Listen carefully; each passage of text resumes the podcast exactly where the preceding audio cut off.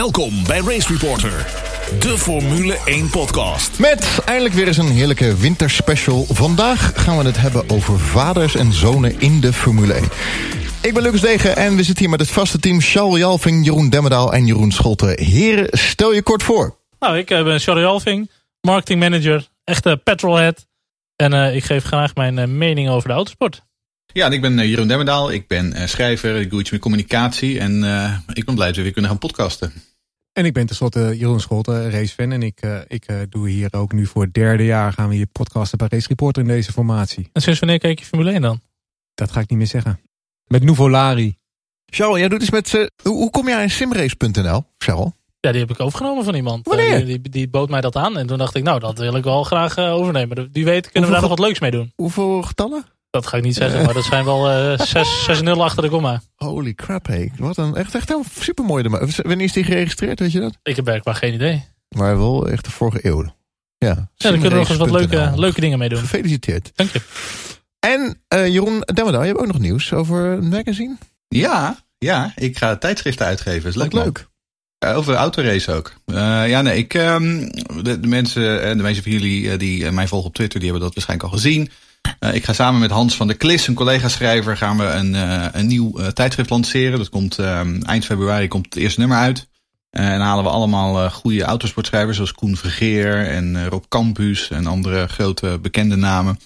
die halen we bij elkaar en dan gaan we drie keer per jaar gaan we de mooiste autosportverhalen voor jullie bundelen. Jullie gaan het nooit over Latifi hebben, toch? Dat weet ik niet. Het zou zomaar kunnen dat we het wel eens over Latifi hebben. Of ik dacht, misschien, uh, misschien, fluisteren, het gaan we het wel eens over Mazepin hebben. Dat zou ook wel kunnen. Ik dacht, het gaat over vol gas. Uh. Dus, uh... maar waar kunnen we hem bestellen? Kijk even op de website, volgasmagazine.nl. En stuur me gerust een DM'tje als je vragen hebt. Is over vroeger en nu, hè, toch? Ja, vroeger en nu. Ja, zowel vroeger als nu. Want ik heb zelf bijvoorbeeld een heel groot verhaal over Rinus VK. Ik ben al lid. Dus ja, die is van het is van alles wat. Ik kan niet wachten tot ik hem thuis bezorgd krijg. Race Reporter, de Formule 1 podcast. Lewis Hamilton zei ooit over Nico Rosberg... Toen we jong waren sprak ik vaak over wat er zou gebeuren... als ik ooit de Formule 1 zou halen. Voor Nico was dat anders, omdat zijn vader een Formule 1-coureur was. Hij wist altijd al dat hij het zou halen... terwijl de rest van ons geen idee had wat er zou gaan gebeuren. Zonen van Formule 1-coureurs zijn een apart soort. Ze dragen de beroemde achternaam een hele jeugd met zich mee. Ze trekken daardoor veel aandacht, veel meer dan gewone talenten. Ze doen een voordeel met de kennis, de connecties en de adviezen van hun vaders. Maar er kleven ook nadelen aan. Want wanneer ze gearriveerd zijn, komen de verwachtingen. Verwachtingen op basis van de verrichtingen van een illustere vader. Verwachtingen die soms zo torenhoog zijn dat niemand er ooit aan kan voldoen. Vraag dat maar aan Mick Schumacher.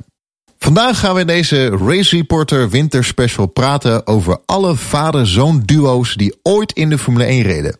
Van de Parnells en de Andretti's tot en met de Magnussen en de Verstappens.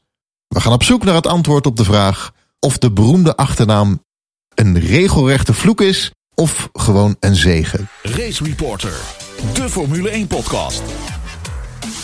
Racereporter.nl Als je nadenkt uit je hoofd kom je op een lijstje van A5, A10... Maar uh, uh, jullie hebben heel erg goed lopen spitten. En een hele mooie lijst is daar uitgekomen. Dus, uh, ja. Vader, vaders en zonen in de Formule 1 dan, hè? Precies, vaders en zonen in de Formule 1.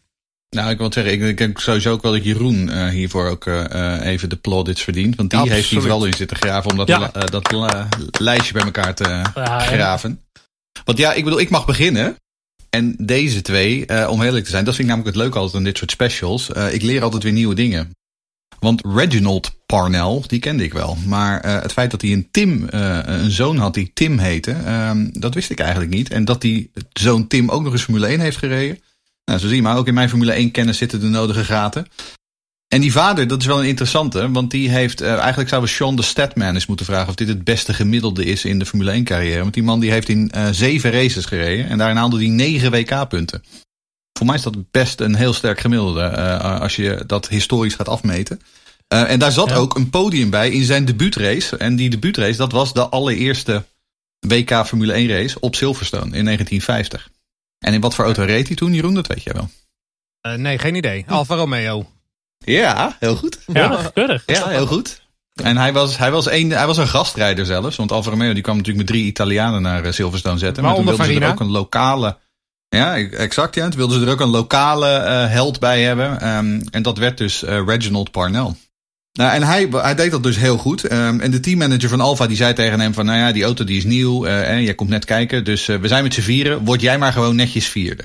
Um, maar ja, toen viel Fangio uit. En toen werd hij netjes derde. Dus hij deed het nog beter dan verwacht ook. Nou, en zo zie je maar. Hij had een, um, die man die was erbij vanaf het aller, allereerste begin van de Formule 1.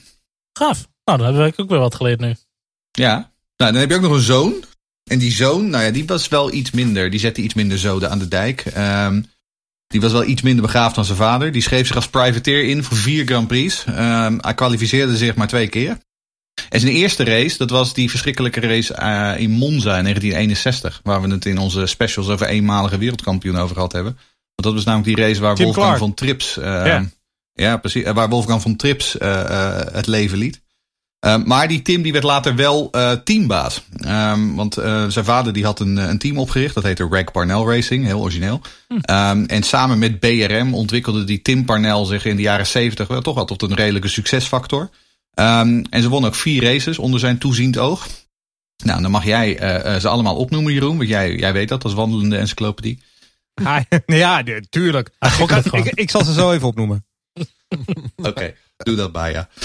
Um, nee, dat waren dus Pedro Rodriguez op Spa in 1970. Joe Sievert in Oostenrijk in 71. Die hele be befaamde ultra-close finish op Monza in 1971. Oh, yeah. Waar ze met z'n ja. vijven naast elkaar. Hè, en waar Peter Gethin, zeg maar, net met zijn neusharen zeg maar, de, um, de race won. En de laatste, dat was uh, de stortregens van Monaco in 72. Jean-Pierre Beltoise. Dus ja, dat waren de Parnells. Um, ik, ik, om heel eerlijk te zijn, wat ik zeg, uh, Tim Parnell, ik had nog nooit van de man gehoord. Um, maar uh, Reginald is toch wel, ja, wel een van de uh, pionieren van de Formule 1, denk ik toch. Ik vind het een mooie opzomming zo. Ja, ik, ik, vraag me af, leven ze nog? Wat is er van terechtgekomen? Wat doen ze nu?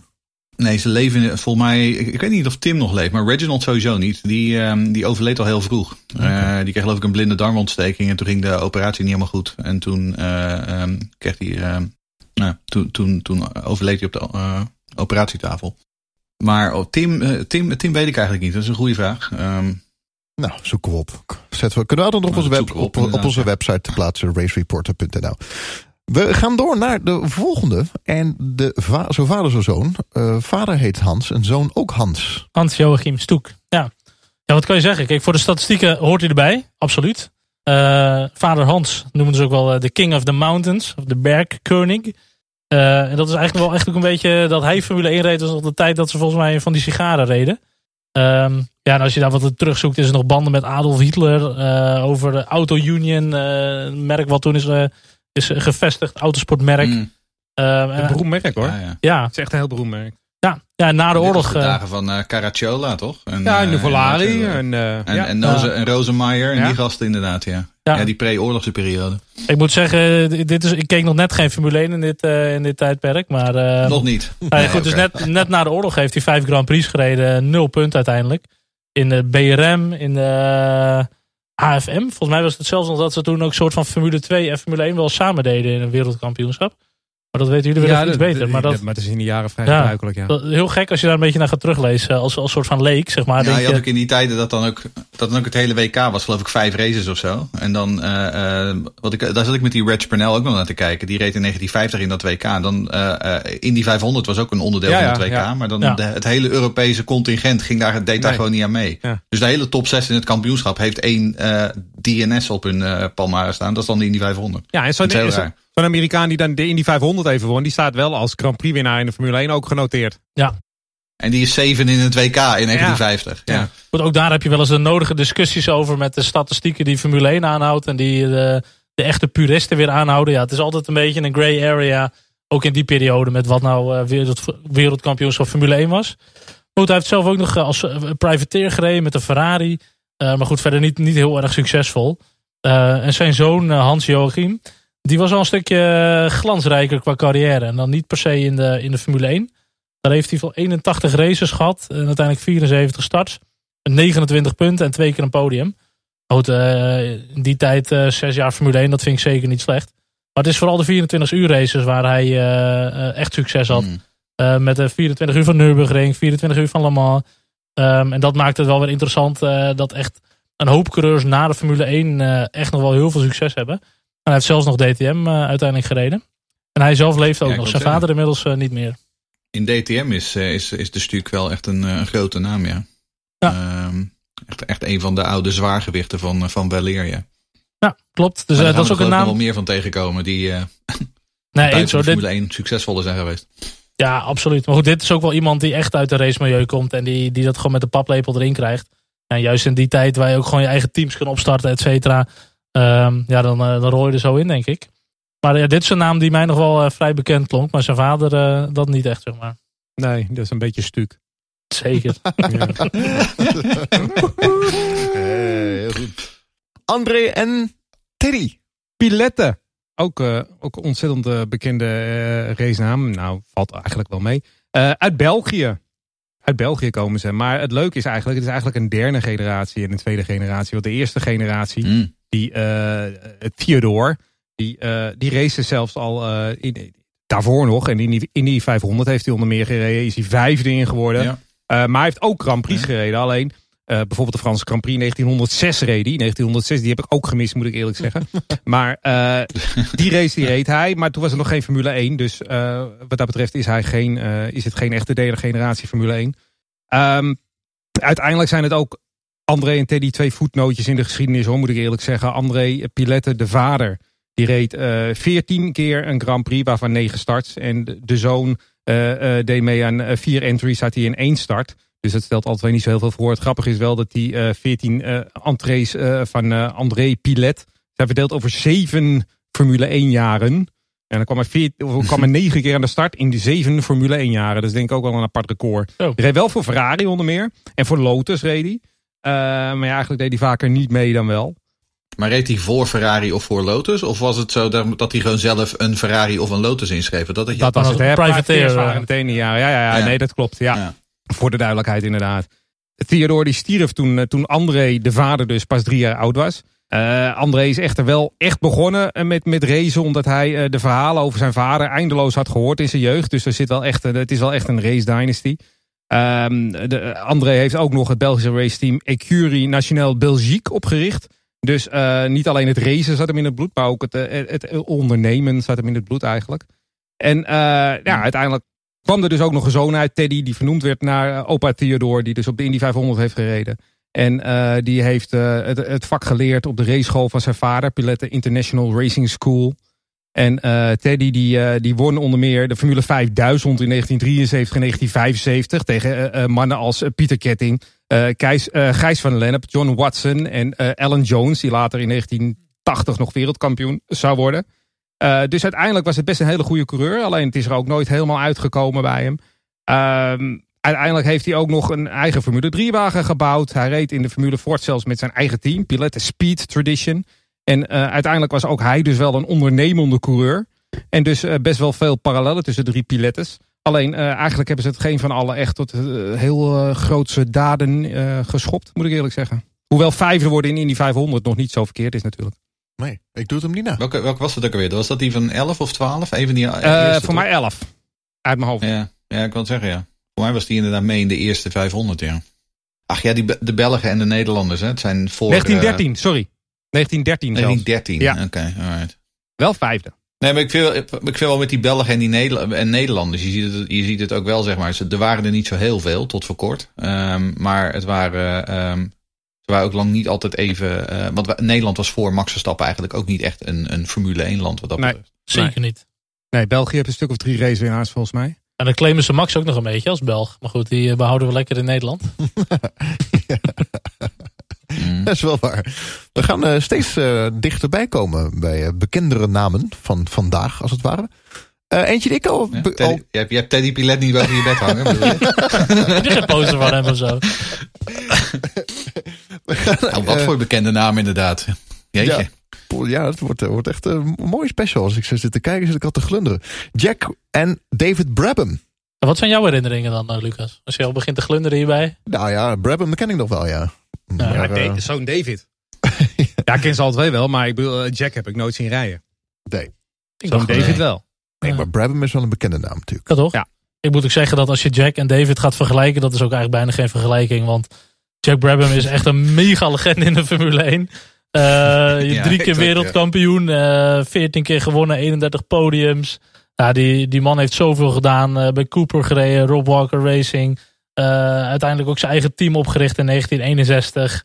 Ehm, dat is de eerste en ik denk als ik het zo zie ook wel de laatste keer in de Formule 1 dat de coureur eigenlijk met zijn eigen team of zijn eigen auto al wereldkampioen ja, wordt. zeker weten. Um, ja, dit, mm. dit zijn gewoon de mega-legendes uit die tijd. En uh, als je dat dan ook nog gewoon allemaal hebt overleefd. Ja, dat vind ik ook dan nog wel knap. Uh, als je zoveel races hebt gereden. Er zijn er een hoop uh, die hij heeft zien komen en gaan, denk ik. Ja, het mooie is natuurlijk ook dat zoon David later, zeg maar, ook voor het team van zijn vader, of nou ja, ja. Wat in ieder geval de naam van zijn vader, de, de naamdrager. nog, nog even gereden heeft. Klopt, ja. En dat is zijn zoon David, die heeft echt wel wat, wat minder succes gehad, als ik het zo moet zeggen. Uh, 30 races, ook bij Brabham uh, en bij Simtech. Ja, 30 races, 24 starts en 0 punten. Um, en ik weet zelf nog, toen een aantal jaar geleden was er ineens zo'n crowdfunding uh, project ook van David. Uh, dat heet ook Project uh, Brabham. En die wilde een LMP2 team zetten, opzetten. En dan met dat allemaal fans die mochten dan gaan meebetalen of zo. Maar dat is uiteindelijk ook niet, niet van de grond gekomen. Ja, ze hebben dat sportwagenmerk ook nog geloof ik toch? Wat dat sportwagenproject, was dat, had dat ook niet mee te maken? Want, ik bedoel, David Brabham was wel gewoon een hele goede coureur. Hè? Um, ik bedoel, hij reed alleen maar in snotmateriaal. Uh, laten we wel zijn. maar ik bedoel, als je kijkt wat hij in Le Mans deed en wat hij vervolgens in de touringcars deed. Die jongen kon echt heel goed sturen. Het enige is alleen, hij stapte toen in bij Brabham Grand Prix in, wat was het, 88, 89? Toen het echt maar, uh, nou ja, bijna op omvallen ehm, stond. Was het niet in de jaren 90? Uh, Volgens mij 1990. Ja, misschien wel 90 inderdaad. Ja. Maar in ieder geval, het, het, het leek nergens meer naar. Uh, en natuurlijk, hij, want hij stapte samen met zijn vader in bij Simtech. Want Jack Brabham was ook een, eh, een aandeelhouder van Simtech. Um, oh, en, de, en, en in ruil daarvoor zou David de stoel krijgen. Zat dat ook nog in jouw uh, Josse Stappen long read of niet? Met Simtech? Ik, of, ik, heb, daar, ik heb daar wel kort aan, aan gerefereerd, ja. Um, want het idee was zeg maar dat Jack Brabham met zijn naam zeg maar heel veel Australische sponsors aan boord zou halen. Maar dat viel een beetje tegen. En, wie we eigenlijk niet mogen vergeten, is natuurlijk ook zijn broer, Gary Brabham. Die heeft dus ook voor twee Grand Prix geprobeerd te kwalificeren. Zullen we het daar niet over hebben, over Gary? Ja, wat minder hè? Gary is een beetje een, een veroordeeld pedofiel. Oh, ja. ook dat verhaal, ja. Maar goed, dus dat is uh, de, de, wat mindere... Maar die heeft inderdaad geprobeerd te kwalificeren in een live twee keer. Ja, die heeft blijkbaar wel wat uh, meer dingen geprobeerd. Maar, uh, maar goed, die is helemaal niet succesvol geweest. Maar, ehm, Als ik denk aan Brabham, dan denk ik aan de, het entree-team van uh, Damon Hill. Komen we zo meteen op ja, ja, ja. Zeker. Ja, absoluut. Dat is een mooie ja. Maar toen, toen, stond, toen, toen, was het eigenlijk al bijna omgevallen. Toen uh, Damon Hill in, in de Brabham stapte. Ja, ja. ja. Maar, maar, jij zegt hij heeft geïnvesteerd in Simtech. Maar die Brabham was volgens mij ook paars. En die Simtech ook. Is ja, dat die toen wel, ja. Ja, die Brabham was meer, zeg maar, dat was een soort van lichte roze of zo. ook. Dat was een beetje roze ook. Ja, ook wel mooie auto's. Ik wil zeggen, want, want die Simtech was natuurlijk donkerpaars en zwart. En waar je aan denkt bij Brabham is Bernie Ecclestone. Ja. Bernie Ecclestone, Nelson Piquet. Bernie Ecclestone heeft het team uiteindelijk overgenomen. Ging naar de run. Uh, BMW kwam aan boord. Nelson Piquet kwam aan boord. Wereldtitels, twee stuks, meen ik uit mijn hoofd. En uh, ja. ja. Groot team. Groot mooie tijd. Jarenlang ook nog met die BMW motor gereden. Die vaker wel dan niet stuk ging. Ja. Uh, in 687. En toen, en toen op een gegeven moment heeft Ecclestone de tent verkocht. En toen in 88 deze een jaar niet mee. En toen in 89 toen kwamen ze weer terug inderdaad. Uh, met Stefano Modena en Martin Brundle. En nu nog steeds. Ze moesten ze pre-kwalificeren. Eens in de zoveel tijd hoor je nog steeds dat uh, Brabham uh, toch weer plannen heeft om weer terug te komen. De familie zelf. Ja, maar het is ook wel een klassieke naam, hè? Het is een ontzettend ja, uh, een naam die heel veel, wat, wat, wat Charles zegt, hij, de, de man is gewoon echt een, Jack is een levende ja. legende. En die naam is daardoor ook een, een legendarische. Maar goed, in 2014 overleden uiteindelijk op 88-jarige leeftijd. Maar er zijn dus weinig coureurs uit die tijd die dat nog zo hebben kunnen meemaken allemaal. Heel weinig. Fancho is ook oud geworden. En zo zijn er nog wel een paar. Uh, Sterling Moss is natuurlijk oud geworden. Ja. Uh, maar in die jaren was het inderdaad het overleven. was al een heel, die is er nog steeds. Ja, nou, die was iets later hè. Meer jaren ja, 60, die is er nog steeds. En die, ja. die, die is ook wel een hoop collega's kwijtgeraakt hoor, door die jaren heen. Oh ja, absoluut. Absoluut. Door met de volgende vader en zoon, Christian en Wilson Fittipaldi. Ja, maar dan andersom, want Wilson was de vader Wilson en Christian, Christian was de zoon inderdaad. Ja. Ja, Sorry, ja. Um, en ik denk dat dit een van de weinige voorbeelden is waarbij de, de zoon eigenlijk gewoon wel beter en succesvoller was dan de vader. Um, want Wilsons grootste fame, uh, claim to fame, dat is dat hij in feite de drijvende kracht was achter het Copper Sugar Fittipaldi Formule 1 team in de jaren 70. Want uh, Wilson die had in begin jaren 70 had hij zelf een beetje zonder al te veel succes rondgekart. Um, en dus besloot hij in 1974 om een, um, een pauze te nemen. En dan ging hij Copper Sugar op, um, op, op poten zetten. Um, Brazilië, uh, bekend vanwege haar suikerindustrie en de ethanolindustrie. Die hadden een groot conglomeraat en dat wilde de boel wel financieren. Dus we kregen een Braziliaans Formule 1 team met auto's gebouwd in Brazilië. Uh, ontworpen door een Braziliaan. Uh, bestuurd door een Braziliaan. En dan ook nog gesponsord door een Braziliaanse sponsor. Dus het was een soort nationale droom. Klinkt als een succesformule. Nou, je moet op Wikipedia die, die eerste auto maar eens opzoeken. Die FD01. Um, want die heeft, was een prachtige uh, zilveren auto met een soort, um, uh, met dan het logo van Copersucar wat een soort van regenboogkleur was. Heel mooi. Um, aan de andere kant erg goed was die niet, want ze kwalificeerde zich vaker niet dan wel. En voor 1976, toen dacht Wilson ik ga het groter aanpakken. Ik ga uit die auto stappen en ik ga mijn broer inhuren. En wie was die broer, Jeroen? Emerson, hè? Dat was Emerson Fittipaldi. Ja, precies. De wereldkampioen die kwam over van McLaren, werd eerste rijder. Nou ja, een paar keer zesde geworden in 76, een paar puntjes. Uh, ja, later ging het weer net wat beter. Uh, een paar vierde plaatsen zelfs. Um, en het laatste jaar, uh, 1980, dat was eigenlijk wel interessant. Want toen kwam er naast Emerson een jonge Finn bij het team rijden. En hoe heette die Finn, uh, show? Kimi Räikkönen. Nee. Nee. Mika? Begin jaren 80. Nee, oh. begin jaren 80. Kekke Rosberg, heel goed. Ja, moet je weten. Kekke, ja. Precies, ja. En Emerson en Kekke, die hadden allebei een podium zelfs in die auto. Maar goed, uh, in die tijd was toen was Koppersugar, die was alweer vertrokken. En toen kwam er ook een biermerk aan, uh, aan, uh, aan boord. Dat heette Skol. dat is trouwens wel mooi, want in het Zweeds als je proost zegt, dan zeg je ook Skol. Dus dat vond ik altijd wel aardig. Besta bestaan nog steeds. Ja, volgens mij wel. Ja. In Brazilië. Ja, en Emerson die werd na 1980 werd hij vervolgens ook teammanager. Nou, toen zetten ze er nog een stelletje um, paydrivers in.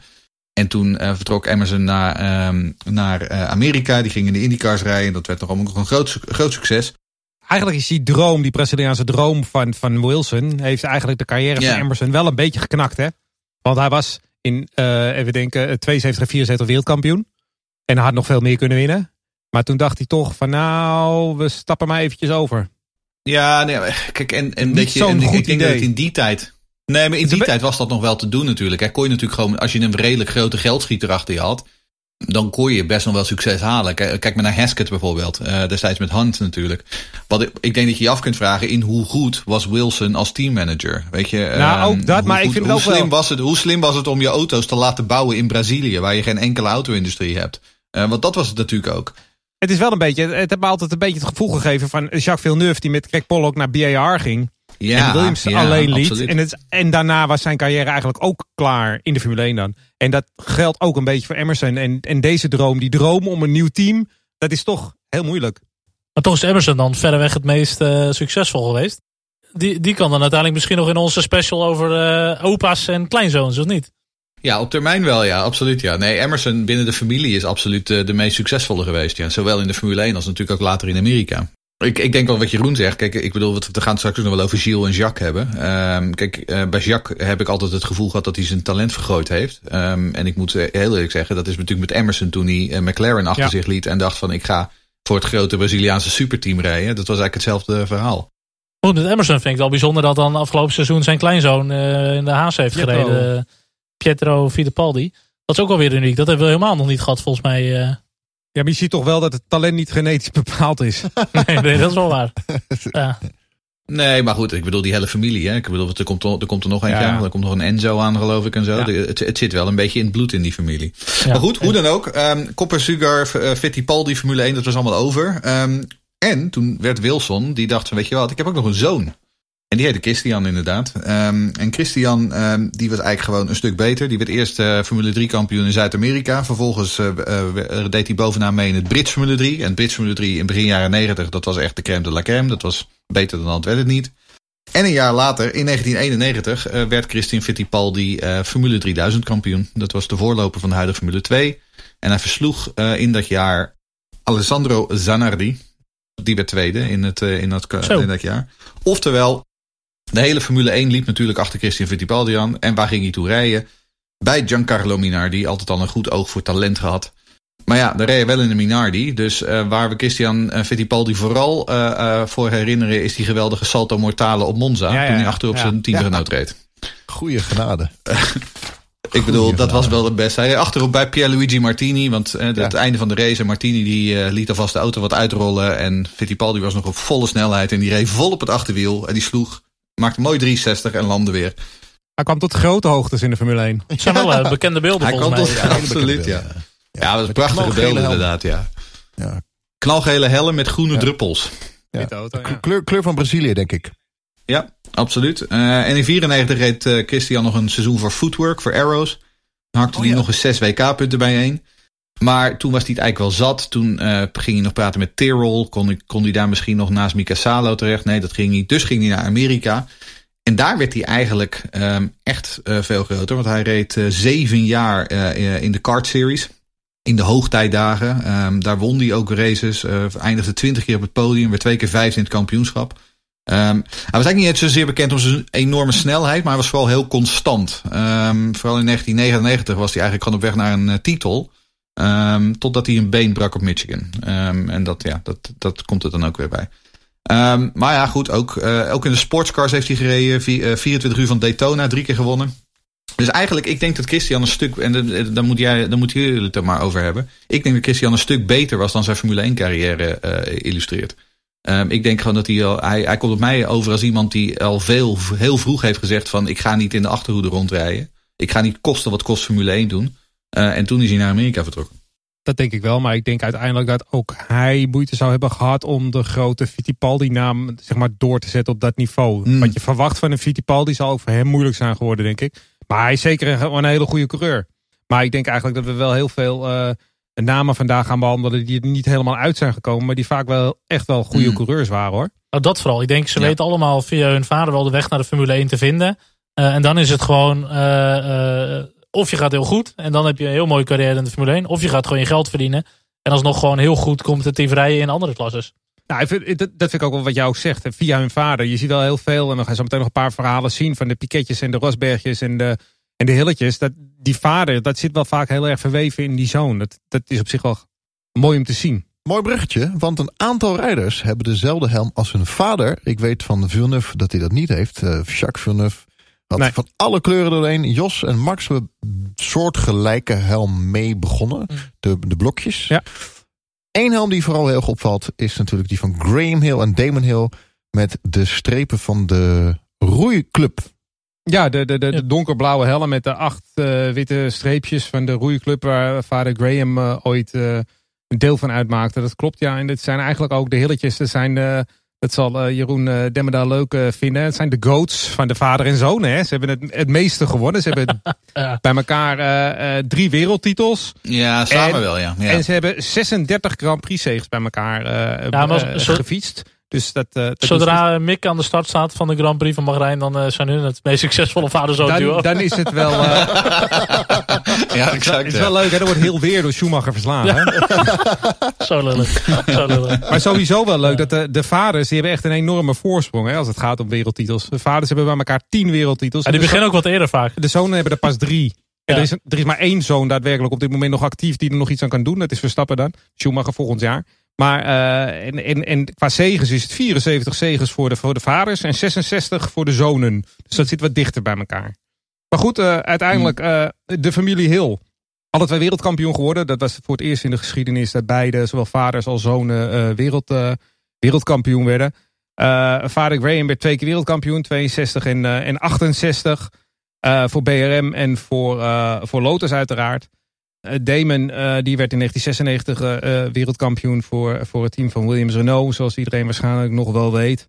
Vader Graham was qua persoonlijkheid totaal anders dan Damon. Iedereen, de meeste, velen in ieder geval. Hoewel ik denk dat er inmiddels ook alweer twee generaties aan fans voorbij zijn gegaan. Maar velen zullen Damon heel nog wel kennen. Het is een beetje een zachte, gevoelige jongen. Maar, ja, een gentleman, maar ook een beetje, uh, een soft. beetje soft, een beetje een sappie en ook een beetje een, een klungelige man in zijn omgang. Hij wel heel veel humor trouwens, uh, maar ook een beetje een, met alle respect hoor, een beetje een klungelige man. Zo komt hij een beetje over. Iemand die altijd aan zichzelf twijfelt. En ja. zijn vader Graham was echt een, uh, een man van de media. Die, die had heel veel charisma van zichzelf. Zag er heel mooi uit met een heel mooi snorretje. Want was heel vaak op tv, in tv-programma's. In Engeland was het echt een hele grote volkster. En, en dat, dat vond hij heerlijk. Dat vond hij fantastisch. Feesten, vrouwen en, en al dat soort dingen. Dat vond hij heerlijk. En Damon is echt een heel in zichzelf gekeerd kereltje eigenlijk. Totaal verschil. Damon begon ook met een nul hè, op zijn auto. Of nou, in de Williams ja. dan. Mm. Ik, ik durf me ook al aan. Ik denk dat Damon nooit wereldkampioen is geworden als Senna hem uh, het niet het leven had gelaten. Nou goed, als Senna inderdaad door was gegaan. Die, nee, maar goed, die was er wel wereldkampioen geworden naast Senna als, als, als teamgenoot. Dat, dat moet je natuurlijk nou ja, bij Schumacher, maar Schumacher was wel op weg naar een wereldtitel. Schumacher was wel een grote belofte. Hill was nooit een grote belofte op de helft manier. Nee, dat klopt. Hij moest natuurlijk, na het overleden van Senna, moest hij die leidersrol binnen uh, Williams overnemen. Um, en daar waren ze bij Williams ook helemaal niet van overtuigd dat hij dat kon. En uiteindelijk inderdaad in 96 heeft hij daarmee met, met, met wat hangen en burger heeft hij een, een titel uh, op zijn naam geschreven. Ja, Villeneuve maar, had ook uh, bijna gewonnen toen. Ja, Villeneuve versloeg hem bijna, ja. Ja. Denk ja. Is uh, Graham Hill niet heel jong overleden? Ja, Graham Hill is overleden in, uh, inderdaad toen, toen Damon 15 was in 1975. Toen ja, kwam hij terug, ja. terugvliegen vanaf Paul Ricard, waar hij met zijn Hill Embassy team getest had. met het embassy, ja. ja, met het jonge talent Tony Bryce waren ze teruggevlogen naar Engeland. En ze waren in de mist of zo was dat? Ja, in de mist inderdaad. Kwamen ze, raakten ze de boomtoppen, zijn privévliegtuigje stortte neer. Nou, het vliegtuigje was niet helemaal goedgekeurd of had in ieder geval technisch waarde wat mankementen aan. Dus de verzekering uh, die heeft besloten, besloot niet uit te keren. Dus uh, het, het, vermogen wat vader bij elkaar had gereest, dat ging verloren aan allerlei schade, schadevergoedingen en dergelijke aan de andere slachtoffers. De nabestaanden van de andere slachtoffers. En de familie bleef, bleef berooid achter. En uh, dus eigenlijk kan je ook wel zeggen dat, dat Graham heeft natuurlijk nooit uh, de mogelijkheid gehad om zijn zoon te trainen. Zoals, uh, zoals Jos het dat bij Max kon. Want hij zelf was moeten doen. Overleden, ja. Maar Damon die koos ook helemaal niet voor karts. Die ging op motortjes ging hij racen. Oh, ja, ja. En die werd koerier in Londen. Klopt, ja. En dan ging hij met de motor ging hij allerlei pakketjes rondbrengen in Londen. Daar zegt hij ook van, in Engeland regelt het natuurlijk vaak dat hij daardoor best wel goed kon regenrijden. Omdat hij dat op die motor ook heel vaak destijds geleerd had. Uberhill. Huh? Uberhill. Ja, Uberhill, ja. Ja, dat zou een mooie naam zijn geweest. Alleen was toen de naam Uber nog niet zo bekend, denk ik. In, uiteindelijk is hij wel inderdaad nog uh, gaan racen. En wel op basis ook van zijn achternaam. Zijn moeder die uh, heeft uh, bij een raceschool van mensen die zijn vader gekend hebben...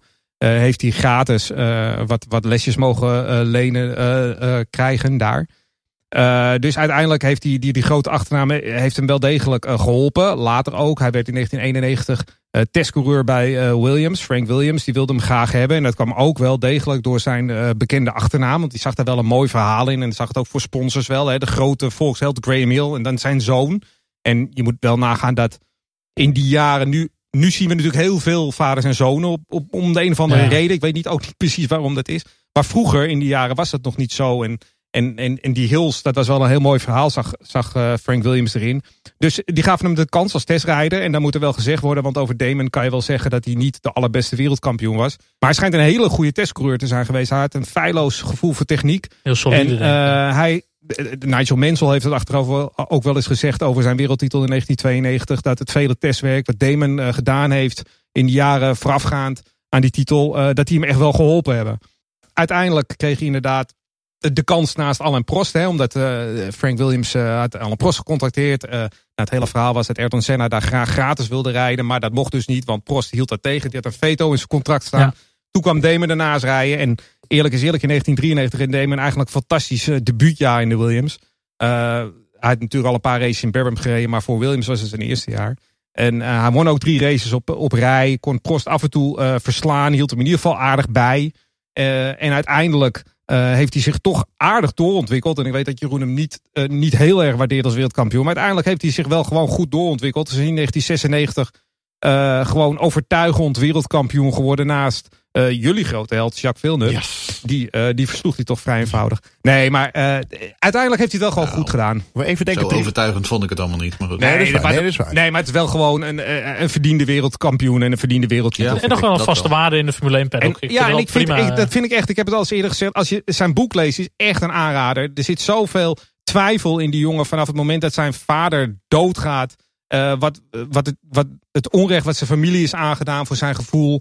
Uh, daar begon eigenlijk ook zijn, zijn tocht naar uh, het herstel van de familienaam. En ja. echt een intrigerend boek. Ik, ik, uh, ik hoor het al, Jeroen Demmendaal moet je even inhuren voor een mooi artikel voor op Volgas. Ja. ja, ik ga eens terugschrijven over Damon Hill. Ik moet even, even, even denken, 93, Damon Hill, Williams. Dan moet ik toch wel denken aan Sega en Donington. Ja, met dat oh, voetje van, uh, ja, dat voetje van ja, Sonic. Sonic, Sonic had een voetje op de zijkant van de Williams bij het gaspedaal. Ja, ja. ja, dat is wel mooi. en, dat waren ook de, waren ook de trofeeën, hè? Ja, tijdens die race. Ja, ja, ja. En natuurlijk Graham... Sonic the Hedgehog. Ja, lachen man. En we mogen natuurlijk niet vergeten, Graham Hill, de enige die de Triple Crown of Motorsports heeft gewonnen. Oh, de Monaco, ja, Indy 500 en de 24 uur van Le Mans. Heel goed. en ik denk dat dat voorlopig ook nog zo blijft. Want Alonso gaat nog twee jaar uh, Formule 1 rijden. En dan moet hij op zijn, wat is het dan, 1,42 nog eens een keertje in IndyCar. En als hij daar niet een volledig seizoen gaat rijden, zie ik hem nooit eventjes tussendoor de Indy 500 winnen. Montoya ook niet zomaar, denk ik. Ja, Montoya kan nog natuurlijk als hij bij moet, Le Mans, moet hij winnen. Maar goed, dan moet hij in die Toyota gewoon. Uh, maar goed, dat is weer een andere discussie. Montoya is ook al in zijn, in zijn vroege jaren 40, hè? dus die, uh, daar begint de klok ook al te tikken nu, denk ik. Zeker. Um, ik zoek altijd bruggetjes. We gaan van Sonic the Hedgehog naar Mario Kart. Mario en Michael Andretti. ja, dat is hem. Zo, nou dit is er ook alweer een. Als je dan een vergelijking moet gaan trekken tussen beide, is er gewoon niet. Mario Andretti, dat is echt een gigantische legende. Al is het niet eens in de Formule 1, dan is het wel gewoon ja, als Amerikaan zijn, gewoon in Amerika met de IndyCar. Ja, die man heeft zo bizar veel geraced, gewonnen, gedaan. Uh, zijn zoon, uh, ook niet slecht, maar in de Formule 1 zelf was het nou niet echt een, Ik denk aan Brazilië, die crash met Bergen. Ja, ja, ja. in de eerste bocht van Interlagos. Op een gegeven moment stonden ja. mensen in het publiek met, po met posters Andretti go home. ja, oh, dat was echt gênant. Dat was toch wel schaamteloos. Oh. Maar goed, uh, Mario Andretti, ja, dat is 131 races, 128 gestart. 180 punten, 12 overwinningen en ook één wereldkampioenschap. In 1978 wereldkampioen in de Lotus. En ook zijn laatste overwinning uh, heeft hij gehaald tijdens de Dutch Grand Prix. Dat is een mooi dingetje hoor. Ook de laatste Amerikaan die Formule 1 race heeft gewonnen. Nou, dat is ook iets wat niet zomaar meer uh, verbroken gaat worden. Aangezien er niet heel, heel veel... weinig Amerikaans talent, moet ik ja. eerlijk zeggen. ja, je hebt uh, Sargent, hè, Logan Sargent. Ja. Maar ja. Ja, maar die heeft geen centen meer. Nee. Ja, en wat ik nog wel grappig vind is dat voor mij in 1986 kon hij nog instappen bij de Detroit Grand Prix. Maar toen uiteindelijk schoof hij zijn zoon naar voren. Maar dat was uiteindelijk dan niet gelukt wegens superlicentie wat uh, niet rond Zijn zoon kreeg geen superlicentie. Ja. Dat was, dat was nog een. Dat Michael, ondanks ja. als een, uh, zijn Amerikaanse successen, geen superlicentie kreeg. Dat was idioot. Ja. Ja, maar dat maar was in die tijd dat er heel veel uh, over en weer gekat was tussen uh, F1 en kart. Ja, goed, dat is wel bizar als je dat leest. Dat je denkt, oké, okay, dus vader en zoon konden beide gewoon nog op Formule 1 niveau in die tijd gewoon racen. Dat is ook wel weer een mooi dingetje. Maar goed, ja, verder. En dan kijk ik met de schuine oog naar Demmendaal. Het is natuurlijk ook echt een mega IndyCar uh, legende. Um, en hij is voor mij een van de twee rijders die races heeft gewoon in de Formule 1, in de IndyCar, World Sports Car mm. en in de NASCAR. Met Montoya, toch? Ja. ja. Dus dat is echt, ja. uh, het is echt wel een legende, Mario. Sympathieke vent ook. Ja. Ik vind ook, uh, ja, echt. Ontzettend sympathieke vent. Ja, ja, Hij, hij, hij, wens je ook, hij wens je ook een goede kerst. Hè, als Fijne je hem een, een, een berichtje stuurt met, uh, met de kerst en oud en nieuw. Ja. ja. Dat doet, doet hij ieder jaar. Dan post hij een, een, foto van zijn eigen kerstboom. En dan zegt hij van stuur je mij nu je foto's van jouw kerstboom bij jou thuis. Nou, dan, dan reageert hij op iedereen heel erg graag. Ja. Ook met, uh, met Trackside doen we regelmatig op woensdag de, de Wisdom Wednesday. Ik heb ook van, vanuit Mario. Er zijn zoveel van die hele mooie quotes mm. en zinnen die hij ooit heeft, uh, heeft gezegd. Ja, ik vind het een hele gave, gave man. Um, ja, zijn zoon daarentegen, die is in de Formule 1 echt wel een stuk minder succesvol geweest. Stapte wel in uh, bij McLaren naast Senna. Nou, dat is natuurlijk ook niet echt de makkelijkste. Nee, dat is lastig. Um, en dat was gewoon echt een waardeloos seizoen met weinig testen. Veel techniek als je vanuit Amerika komt. Circuits die hij niet kende. Ja, dat was echt een ramp. Senna was ook jaar. wel op zijn allerbest dat jaar, denk ik hoor. En, en hij stapte ook in naast Senna. Want laten we wel wezen, toen uh, Andretti ja. tekende bij uh, McLaren eind 92, uh, ging de groegemeente ervan uit dat Senna weg zou gaan. Ja, um, dus ja. Andretti kwam voor een flink um, salaris naar binnen. En vervolgens bleef Senna ook. En die kreeg ook een flink salaris. En dus had Ron Dennis opeens twee hele dure coureurs. Um, en hij had een hele goedkope testcoureur, namelijk Mika Hakkinen. Ja. Um, en, en vervolgens, omdat er zoveel uh, aan die twee coureurs betaald moest worden, uh, uh, kwam hij uit met, een, met, met die Ford Quantum Dus de he het hele plaatje klopte niet ten opzichte van toen Andretti tekende. Ja, en vervolgens uiteindelijk toen, toen had hij inderdaad aanpassingsproblemen. En toen werd ja. hij er gewoon uitgebonjourd en hebben ze Hakkinen in die auto gezet. Hoewel Senna dat jaar geen contract had, hè? want die reed van race tot race. Ieder jaar, iedere race ja, kreeg hij een miljoen. Ja. Uit iedere race moest je opnieuw. Uh... Ik wil zeggen, hij kreeg wel heel veel betaald voor per race. Ja, ja 1 miljoen. En hij won vijf, vijf races. Hij won er vijf, ja. Dat, in, in, echt een, een vrij matige echt auto. Een konijnenhok. Ja. ja. Maar goed, uh, makkelijk is dat niet naast Senna. Goed, verder in Amerika, eigen team opgestart. Uh, het is het Andretti Green Racing. en volgens mij zelfs nog in de Formule nou, 1. Nam, hebben ze nog met Andretti Racing nam, gereden? Nou, dat ja, hij nam Team Green over destijds. En dat werd vervolgens Andretti Racing. Ja, en dat is er nog steeds.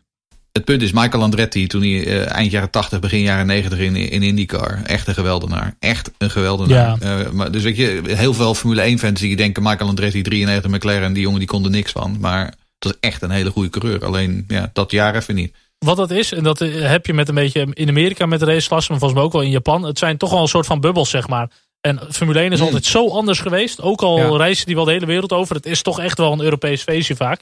En om daar tussen te komen van buitenaf is gewoon als team of als coureur is gewoon echt gigantisch lastig. Ik weet nog eens een helm met de Amerikaanse vlag erop. Ik denk, nou, dit gaat hem worden. Die helm van Mar... Oh, van, uh, Michael. Ja. Nou ja, maar jij zegt dat Graham en Damon dezelfde helm hebben. Maar Mario en Michael hebben ook dezelfde helm, grotendeels. Ja, ja. Dat, dat, dat zijn eigenlijk gewoon die verschillen op details. Maar dus ook dat zilver met die rode, met die rode streep erover. En ja. jouw grote vrienden Jean Alesi en Giuliano Alesi, ook dezelfde helmen? Ja. Ja, ja. ze hebben ook, uh, die ook uh, Mario en uh, Michael Andretti hebben ook nog samen geraced trouwens in de Champ Car. Ook alweer een mooi uniek dingetje dat je ook nog samen gaat racen dan. Dat lijkt me ook wel gaaf. Dat je gewoon met je vader ja, competitief gaat racen. Gewoon. Ja, dat is toch tof? Oh, ja, mooi, bij Newman Haas. Jarenlang, ja. Er zijn nog altijd wel, wel verhalen dat, dat, dat uh, team Andretti ook nog wel eens naar de Formule 1 wil. Maar ik weet niet, misschien dat Jeroen daar wat meer over kan vertellen. Maar ik weet dat het in 2018 nog speelde. Dat het ooit misschien, dat het altijd nog wel een beetje in een achterhoofd uh, speelt. Maar weet je, de, maar de sprong, eh, vooral nu, hè, de sprong is zo groot. Weet je, je moet 200 miljoen dollar aan, uh, geloof ik, als gewoon een, dat wel, als een, down payment. Een, deposit inleggen en zo. Inderdaad, weet je, het is, het is zo duur. En ze, en ze hebben natuurlijk, ze zitten wel in de Formule E, ze zitten wel in uh, dat Extreme E nou, zeg maar. Dus ze hebben wel um, uh, in, in, verschillende klassen een team. Maar ik zie ze niet zo snel meer naar de Formule 1 komen, ik gezegd. Ik denk dat ze ook naar Haas kijken hoe, hoe het daar gaat. Ja. Ja, nou exact, ja. Ik ga ervoor zitten. Want mijn favoriete coureur is aan de beurt. Ja, grote uh, vriend. Gilles, ja, Gilles, vader en Jacques Villeneuve. Ja, dat zijn twee um, heren die allebei tot de verbeelding spreken. Um, maar die ook absoluut uh, de meningen verdelen. Want ze hebben allebei zowel te horen gekregen dat ze overschat zijn. Terwijl er ook volop mensen zijn die absoluut zweren uh, bij de kwaliteiten van Gilles en Jacques. Wat mij betreft, Seal is natuurlijk ontzettend onderhevig aan het, eh, wat ik altijd maar noem, het Kurt Cobain, Jim Morrison syndroom. Waren de Doors en Nirvana nou echt zo goed? Of is het vooral de mythe die het zulke grote bands maken, omdat uh, de, de frontman zo vroeg uh, overleed? Um, want kijk, dat Gilles een waanzinnig talent was, dat staat denk ik wel buiten kijf. Um, maar was hij nou echt een van de grootste? En, of was hij gewoon te grillig, te emotioneel, te eigenzinnig? Ik vind dat zelf wel moeilijk te beoordelen, want ik heb Gilles zelf nooit echt zien rijden. Ik heb natuurlijk wel oude beelden gezien, maar ik, ik heb hem nooit op dat moment uh, in, in, in, op het hoogtepunt van zijn carrière uh, meegemaakt. Maar kijk, zijn rijstijl leverde prachtige verhalen, prachtige beelden op. Aan de andere kant, ik kreeg wel altijd het idee dat als hij misschien wat gepolijster was geweest, als het misschien zijn talent iets beter eh, in, kan, ja. in, in, goede baan had geleid, dat hij veel verder had kunnen komen. En dat hij misschien wel nooit uh, het leven, zo vroeg het leven had gelaten. Voor mij zijn het ook wel jongens die echt over de limiet gaan. Gewoon 110% gewoon altijd. En dat zie je natuurlijk wel met de Max. Die heeft dat van van zichzelf ook, Max stappen. Maar die is wel echt gepolijst. En, en dan ben je heel goed. Maar ja, in dit en geval... dat is volgens mij, Jeroen, dat is er ook het verhaal rondom, rondom de, dat, dat zolder-incident. Dat hij ook weer in die auto stapt omdat hij zo boos was op ironie. En weet je, heel erg gedreven door eh, emotie. Uh, ja, die wedstrijd daarvoor in San Marino was natuurlijk, dat waren die, uh, die, die, kleine teams deden allemaal niet mee. Dat was alleen Ferrari en Renault en zo. En toen uh, streden die Ferraris om de eerste en tweede plek. Want uh, hoe heet het, die uh, Arnoux en zo, die met die Renaults waren allemaal weggevallen, want die ploft altijd. En toen inderdaad, toen, ging, uh, toen zouden ze de positie houden. En Gilles reed veel voorop. Maar uh, Pironi dacht toch van, ik ga hem inhalen. En toen inderdaad een race later op zolder. Ja. Was hij nog steeds zo Pironi boos. Pironi Pol, toch? Ja, Pironi had Pol getraind. Ja. Of tenminste, de professional Pol. En hij wilde nog één rondje doen op oude banden. Veel neuf om hem toch af te pakken. En dat ging dus helemaal mis. En uh, toen ging hij over de. Ja. Nou, dit, dit, is een heel na ongeluk om te zien. Want je ja. ziet ook echt uh, dat, dat, ja, uh, dat hij eruit geslingerd wordt uit die auto. En ja. Hey, zijn jullie wel geweest op zolder? Zeker. Nee, ik ben, ik ben nooit op het circuit van zolder geweest. Nee, ik, nee. ben, ik ben wel bij mij thuis op zolder geweest trouwens. Dat wel. maar ik vond het wel indrukwekkend hoor, die, die chicane om daar te staan. Wel een beetje kippenvel. Ja, is sowieso een waanzinnige baan wel hoor, zolder. Echt een mooie baan. Ja, ja. Heel veel mensen door de jaren heen, als je erover leest, over die tweestrijd tussen Pironi en uh, Villeneuve, die geven inderdaad Pironi de schuld uh, van alles wat er gebeurd is. Die is zelf trouw, trouwens ook heel tragisch om zijn leven gekomen, maar uh, dat is een ander verhaal. Maar ik ben het wel eens met Jeroen Demmendaal. Gilles Villeneuve is, is, is gewoon ondergegaan aan zijn eigen karakter. Aan zijn temperament. Hij ja. heeft gezworen, mm. hij zwoor toen na San Marino nooit meer met Pironi te praten. Nou, twee weken later was hij inderdaad dood. En hij heeft dus ook nooit meer met hem gepraat. nee. En uh, wat mm. wel heel mooi is, dat de Pironie die heeft twee zoontjes gekregen. Die heten Gilles en uh, Didier. Echt? Ja. Ah, dat is, ja. ah, ah, dat is wel weer mooi inderdaad. Ja, dus, maar dan kun je ook nou, wel zien dat Pironie het wel vroeg ging. Het deed hem wel Ja, nee, maar ja, dat, dat moet natuurlijk wel iets met je doen. Hè? Als, als, je, als je zo, zo uit elkaar gaat en volgens twee weken later is hij er niet meer. Ik kan me inderdaad voorstellen, er zijn mensen verminderen in een dwangbuis gegaan. Um, om dan maar over te gaan op zo'n lief. Want Jacques die kan ik een stuk beter beoordelen. Want die heb ik namelijk wel zien rijden. Um, in ieder geval qua eigenzinnigheid is dit wel een klassiek geval van zo vader zo zoon. Um, want jongens, wat was Jacques goed in zijn hoogtijdagen? 1994, 1995 in de IndyCars. Echt, echt ongelooflijk goed. Uh, Force of Nature, won de Indy 500, won het kampioenschap. En dus ging hij in 1996 naar Williams. Want Williams had uh, zijn nieuwe kopman te pakken. Of althans, dat dachten ze. Nou, toen meteen in 1996 legde die Damon Hill het vuur aan de schenen. Had eigenlijk gewoon die eerste race op Melbourne moeten winnen. Als die auto niet, uh, niet stuk gegaan was. En een jaar later inderdaad in die heroïsche strijd met Michael Schumacher won hij uiteindelijk uh, het wereldkampioenschap. En dus qua resultaten overtreft uh, is, is Jacques ook een van de weinigen die zonder twijfel de resultaten van zijn vader heeft over, over, overtroffen. Maar toen kwam de klad er wel een beetje in wat je wel echt ziet is dat hier uh, zijn achternaam heeft wel echt geholpen. Want Bernie Ecclestone is de, man, de grote man geweest die ja. uh, Villeneuve, de Villeneuve naam, graag terug in de Formule 1 wilde helpen. En die heeft met Frank Williams gepraat. Dus wel echt ja, achternaam. Ja, absoluut, ja. ja. ja. Maar Jacques, het is eerste jaar wel bijna kampioen kunnen worden, hè? Ja. In, uh, in IndyCar bedoel je? Of in, nee, Formule, 1? Formule 1? Ja, ja, absoluut. Nee, hij, werd, hij werd tweede in 2K achter, achter Hill. Uh, hij had wel die laatste race moeten winnen. Volgens mij ging hij met 9 punten achterstand de laatste race in. Dus hij had hem wel echt moeten winnen. Oké, oké. Dus toen hij uitviel lag hij al niet op kop hoor. Okay. Hij lag niet op kop. Maar dat, dat ik net een beetje Formule 1 begon te kijken. Toen ging volgens mij Jacques Villeneuve naar BR Honda. En voor mij hoorde hij hem wel eens van, hij een miljoen krijgt hij daarvoor. Of zo weet ik veel wat het was. Toen dacht ik, wow, dit is echt een hele grote. Maar dat viel natuurlijk gigantisch tegen. Ik had toen, uh, nu heb ik niet veel verstand van de Formule 1, maar toen helemaal niet. Ik denk, je, hoe kan zo'n gast in zo'n auto gezet worden voor zoveel geld? Ik snapte dat echt niet, want er kwam helemaal niks uit. Ik weet nog dat uh, Jeroen eh, Scholt een hele mooie tweet had geplaatst... met een onboardcamera foto van uh, 97 Villeneuve. Je had gezegd, wie had ooit gedacht dat deze man na deze race nooit meer race zou oh, nooit, meer kampioen, ja. nooit meer kampioen zou worden? Was hij net kampioen geworden? Mm. Dat is inderdaad heel nou, wat, bizar, ja. Ja. Want hij bleef natuurlijk ook, hij bleef, hij bleef natuurlijk ook bij Williams voor 98. Uh, en om heel eerlijk te zijn, ik bedoel die, um, die Williams van 98 met die Mecha Chrome. Die rode. Ja. Dat was, ja, dat was natuurlijk wel echt een konijnenhok. Uh, want daar is, daar is ongeveer de term konijnenhok voor uitgevonden, voor die auto. En hij moest wel wat anders, maar we kunnen het wel allemaal erover eens zijn. British American Racing, uh, onder de bezielende leiding van Craig Pollock, toch wel gewoon een misfire van je welste was. Reynard stond er onbekend. Reynard, de, de, de, chassisconstructeur, die uh, stond er onbekend dat ze met ieder chassis hun eerste race wonnen. Dat hadden ze in IndyCar gedaan, dat ze in Formule 3 gedaan, de Formule 3000. Nou, dan gingen ze in Formule 1 gingen ze dat ook doen.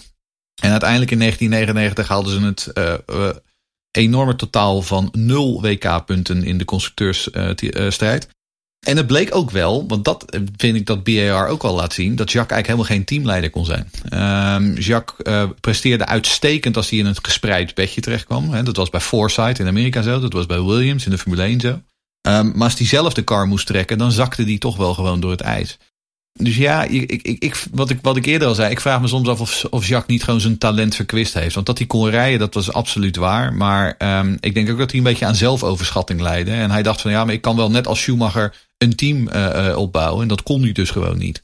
Maar dat zie je zelfs nu nogal in zijn uitspraken in de media. Het is altijd een beetje opruiend, een beetje tegendraads. Even zijn lekkere karakter laten zien. Voor mij was hij ook anti-Max in het begin, dat dat echt niet kon. Veel te jong en weet ik het wat en zo. Maar wat je zegt, Jeroen, mm. nou, ik, ik was groot fan van hem. Maar niet de Jacques Villeneuve die in de NASCAR Danica Patrick eraf reed. En totaal geen schuld bekende. Nee. Dat vond ik erg schandalig dat hij dat deed. Toen dacht ik, ja, dit is niet de Jacques waar ik of, fan of, van of Dat, of dat jaar dat hij toen op een gegeven moment, dat hij in die, was dat in die BMW dat hij hing? Of in die Sauber? Dat ze hem op een gegeven moment gewoon maar gezegd hebben van, nou, weet je, ga, ga, jij anders gewoon lekker wat voor jezelf doen? Hè? en toen hebben ze de Kubica er maar in gezet. ik bedoel, je, eh, je, zag gewoon dat hij, dat hij in die periode, in die, in die mid 2000, hij was echt gewoon zijn zak aan het vullen. Ja, hij, ehm, heeft het seizoen niet afgemaakt toen, geloof ik. Hockenheim nee, nee, uh, einde, verhaal. Maar wie nou echt, echt een mooie actie van Jacques Villeneuve wil zien, is toch wel Estoril, hè? Portugal. Estoril, in ja, ja. Wat was dat? 96 of 96 volgens 96, mij. Schumacher, ja. 96, buiten Wereldactie. Ja. Mooie koer, proberen Urban in te halen, spinnen, paaltjes mee rollen. Oh in die laatste ronde, in die, in die chicane inderdaad, ja. Geweldig. Maar ik, ik zeg altijd, ik, voor mij hoeft hij niet te winnen, maar hij liet wel show zien en dat vond ik fantastisch. Ja, en, en nog wat, wat mij altijd nog steeds is die, die waanzinnige pole position lap in uh, Melbourne in 97. Gewoon pole pakken met 1,7 seconden. Kijk, en dan weet ik dat Senna dat in het verleden ook nog wel een aantal keer gedaan heeft. Maar Um, ehm, 1,7 seconden sneller dan wie dan ook. Dat is echt niet te geloven. Iedereen dacht ook dat ze toen, toen dat was het begin van het seizoen 97. Dat dat, dat seizoen vervolgens nog een zo'n close strijd tussen Schumacher en Villeneuve geworden is. Dat is eigenlijk niet te bevatten. Want na, na die eerste kwalificatiesessie, hij zou al de 16 races gaan winnen. Maar het grappige is, dat is een heel raar jaar, dat 97. Want je had Villeneuve en Schumacher, maar ze hebben geen één keer samen op podium gestaan. In het hele jaar niet. Ja. Jo. Nee. Ja, en in die Melbourne race ook. Vervolgens bij de start lag hij na eh, de eerste bocht stond hij in het grind. Hè, lag hij er alweer naast. Omdat hij eraf gereden werd. uh, Villeneuve. Dus dat was ook zoiets. Het, het, was een heel raar seizoen inderdaad. En vervolgens geloof ik in Brazilië, eh, de race daarna ging hij er weer af. En toen had hij na twee wedstrijden dat hij één punten of zo. Uh, en toen moest hij inderdaad zichzelf weer terug gaan vechten. En Villeneuve heeft natuurlijk geschiedenis met uh, Radion. Hij schoot eraf in de BAR. ging hij er op zijn schouders rekken. In de BAR, in de BAR twee keer geloof ik. Ja, en hij heeft nog een keertje ook over de kop. Hij heeft nog in de Williams. En hij heeft één keer, als je die wilde kan je nog opzoeken, in een Sauber. Heeft hij hem gespind mm. en gecorrigeerd en doorgereden. In de radio. Fantastisch. Nou ja, maar ja. Ze hadden toen, ze hadden toen ook, uh, hij, en Zon, ja. hij en Zonta hadden toen nog ook, ook zo'n weddenschap, toch? Zonta, dat ze ja. ja, wedstrijdje, ja klopt. Ja, hij, hij en zijn teamgenoot Ricardo Zonta, ze, reden, ze schreven allebei een BAR af. omdat ja, het Zonta was wel mooier, die klapper. ja, die was mooier. uiteindelijk, ja. Hij, je zegt kleurrijk, dat was zijn helm. Hij was heel kleurrijk. Nog even over helmen. Hij heeft ooit gezegd, het is totaal niet uh, de V van mijn naam. Hij heeft gewoon maar een stifter gepakt, is gaan kleuren. En dat was, dat was zijn helm weet niet of we net al opgenoemd hadden, maar die crash in Australië, dat stond ook ineens bij. Dat hij echt helemaal de hek in ging. Uh, dat toen die Marshall was overleden. 2001 ja. Ja, ja, dat, dat staat ook nog bij. Graham Beveridge heette die, uh, die Marshall Beste klapper was dat ook trouwens hoor, in de hekken. Dat is niet normaal. En toen had Ralf Schumacher iets gezegd van je moet uh, je bril opdoen of iets. Uh, er werden wel wat verwijten. Ja, Juan Pablo Montoya heeft ooit in een drivers briefing zoiets geroepen van jij moet je mond houden, want jij was iemand vermoord. Ja, ja, dat was een beetje een lelijke opmerking, had hij niet moeten zeggen.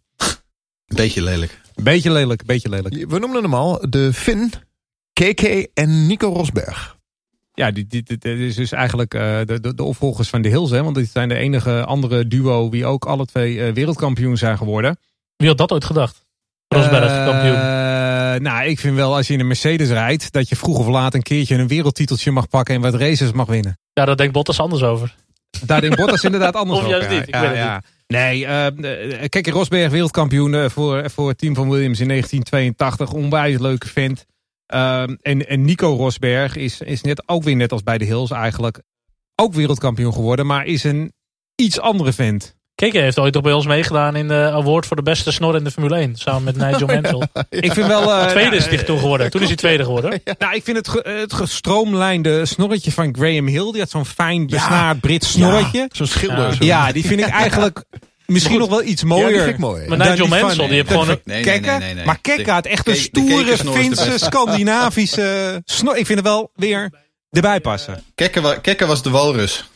Bij Nigel Mansell zat er net geen uh, stok in uh, van de bezem. Nee, maar Nigel Mansell had drie snorren, hè? Want die had, uh, hier boven zijn oog had hij ook twee van enorm... Uh... Diffuser snor had hij ook nog of zo, ja. Double diffuser. Nee, maar dat is wel heel opvallend. Want net als bij de Hills inderdaad, de Rosbergen waren ook twee totaal verschillende personen. Hè. Pa was een hele extraverte man, een hele stoere kerel, levensgenieter, ja. snor, roken. Altijd rookend zat hij, uh, liep hij over die pitstraat. En Nico was een pak yoghurt. maar ik moet ik zeggen, ik vind dat ook wel weer de mooiste tijd om te zien in de Formule 1. Dat al die gasten, KK, weet ik het wat, stonden lekker met een peukje, biertje, vrouwen. Nou, dat kan tegenwoordig allemaal niet meer. Uh, nou, logisch ook wel heel veel. Maar als ik daarna terugkijk, denk ik wel, wauw, dat was wel echt... Uh, heb je dat wel teruggekeken?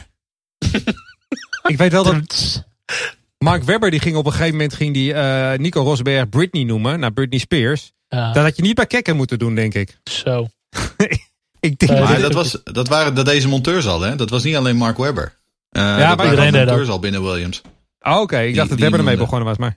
Maar het mooie door natuurlijk ook met Kekke inderdaad ook dat hij gewoon, uh, wat is dat 85 toen hij die, eh, die recordronde op Silverstone zette. Ja, dat hij, dat hij gewoon, dat hij inderdaad echt gewoon met ontbloot bovenlijf zeg maar en een peukie zeg maar op de pitmuur zat. Op een gegeven moment dacht oké nou peukie, peukie uitdrukken, nou vooruit gaan we nog een keer dan.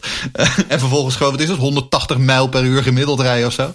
Op dat oude ja. Silverstone. Fantastisch. Helder, helder waren maar wel, Echt hij wel heel veel, uh, hij wel heel veel voor zijn zoon gedaan. Hij heeft Team Rosberg mm. opgericht onder meer. Waar, ze, waar zijn zoon voor heeft gereden in de juniors. Hij was manager tot en met 2008. Hè. Toen reed eh, Nico al twee jaar in, in de Formule 1. Toen was hij nog steeds een manager. Totaal verschillende rijstijlen ook. Hè. Kijk, hij was echt een, eh, een ruwe, uh, een ruwe rijder. Beetje zoals Nigel Mansell. Ik denk alleen iets minder uh, rauw talent had hij dan Mansell. Um, echt een aanvaller. Een jongen die altijd, uh, altijd meer wilde. Wilde er altijd langs. Maar waren dat ook niet een beetje de auto's waar je echt wel een beetje mee moest smijten? veel, uh... Dat is natuurlijk ook altijd zo. Maar, maar Nico is echt een jongen die juist in de duels niet goed was. Dat was juist een jongen, als je hem hè, als hij vrijbaan had, dan was hij bloedsnel. En dan was hij bijna niet bij te houden door iedereen. Maar kwam hij in duel, in tegenstelling tot zijn vader, daar ging hij altijd ten onder. Maar goed, wat dan ook wel heel grappig is, als je dan terugkijkt naar wat Keke daarover gezegd heeft. Die, die, die zegt dus over Nico ook precies. Het is een totaal andere sport nu. En uh, mijn overwinningen zijn zo lang geleden. Ik had net zo goed een tandarts kunnen zijn, want ik kan hem niks vertellen. Dus het, hij ziet zelf ook wel die verschillen, wat, wat Charles net zegt. Van die verschillen in de sport zijn zo, zijn zo totaal anders geworden. De sport in de jaren ja. uh, 70 of 80 en, en, en nu. Dat hij zegt van ja, eigenlijk kan ik hem helemaal niks meer leren. En uh, hij heeft ook wel eens gezegd dat uh, de mentale kracht van Nico zo enorm is. Dat hij hem daarom bewondert. Zijn commitment is 110% en heeft niets meer te doen met uh, hoe ik mijn sport destijds beleefde. En dat is ook wel waar, want dat vindt de Kekken allemaal zo leuk. Maar zoals Kekken toen leefde, zo was Nico nu nooit meer wereldkampioen geworden natuurlijk. Nee. Ik weet niet of je nog apart hoofdstuk zo meteen voor Nico hebt. Maar wat ik dus wel een heel interessant verhaal vond. En wellicht heb ik het ooit wel eens verteld is dat Nico Rosberg in 2016. Hij wist als ik kampioen ga worden, dan stop ik met de Formule 1. En toen is hij met zijn fysio ook gaan trainen dat hij geen spiermassa meer ging opbouwen. Zodat hij weer wat gewicht ging verliezen. Eh, zodat hij weer net iets meer snelheid had. En eh, ik weet ook nog wel dat hij toen voorbij Max Verstappen moest. Volgens mij was dat Abu Dhabi. Dat hij echt zoiets van, oh nee, toch niet Max Verstappen die ik nu moet inhalen voor mijn wereldkampioenschap. ja, en dat hij daarna natuurlijk gewoon uh, pull the plug, gewoon stopt met de Formule 1. Ik vond dat wel uh, verbazingwekkend. Overigens is dat nog wel een overeenkomst tussen de twee. Want zowel uh, Kekke en Nico stopten eigenlijk uh, op hun hoogtepunt. Reden allebei bij een topteam in de Formule 1. En besloten vervolgens gewoon om de stekker eruit te trekken. Want Kekke zat uh, ja. bij McLaren, bij uh, Tag Porsche naast Alain Prost. En die besloot ook opeens van niet meer afbouwen. Gewoon stoppen, stekker eruit oh, en stoppen. Alles of niks gewoon. Daarna wel nog in die Opel Calibra. Die geweldige Opel Calibra V6 ja. in de DTM gaan rijden. met team Joost Rosberg trouwens.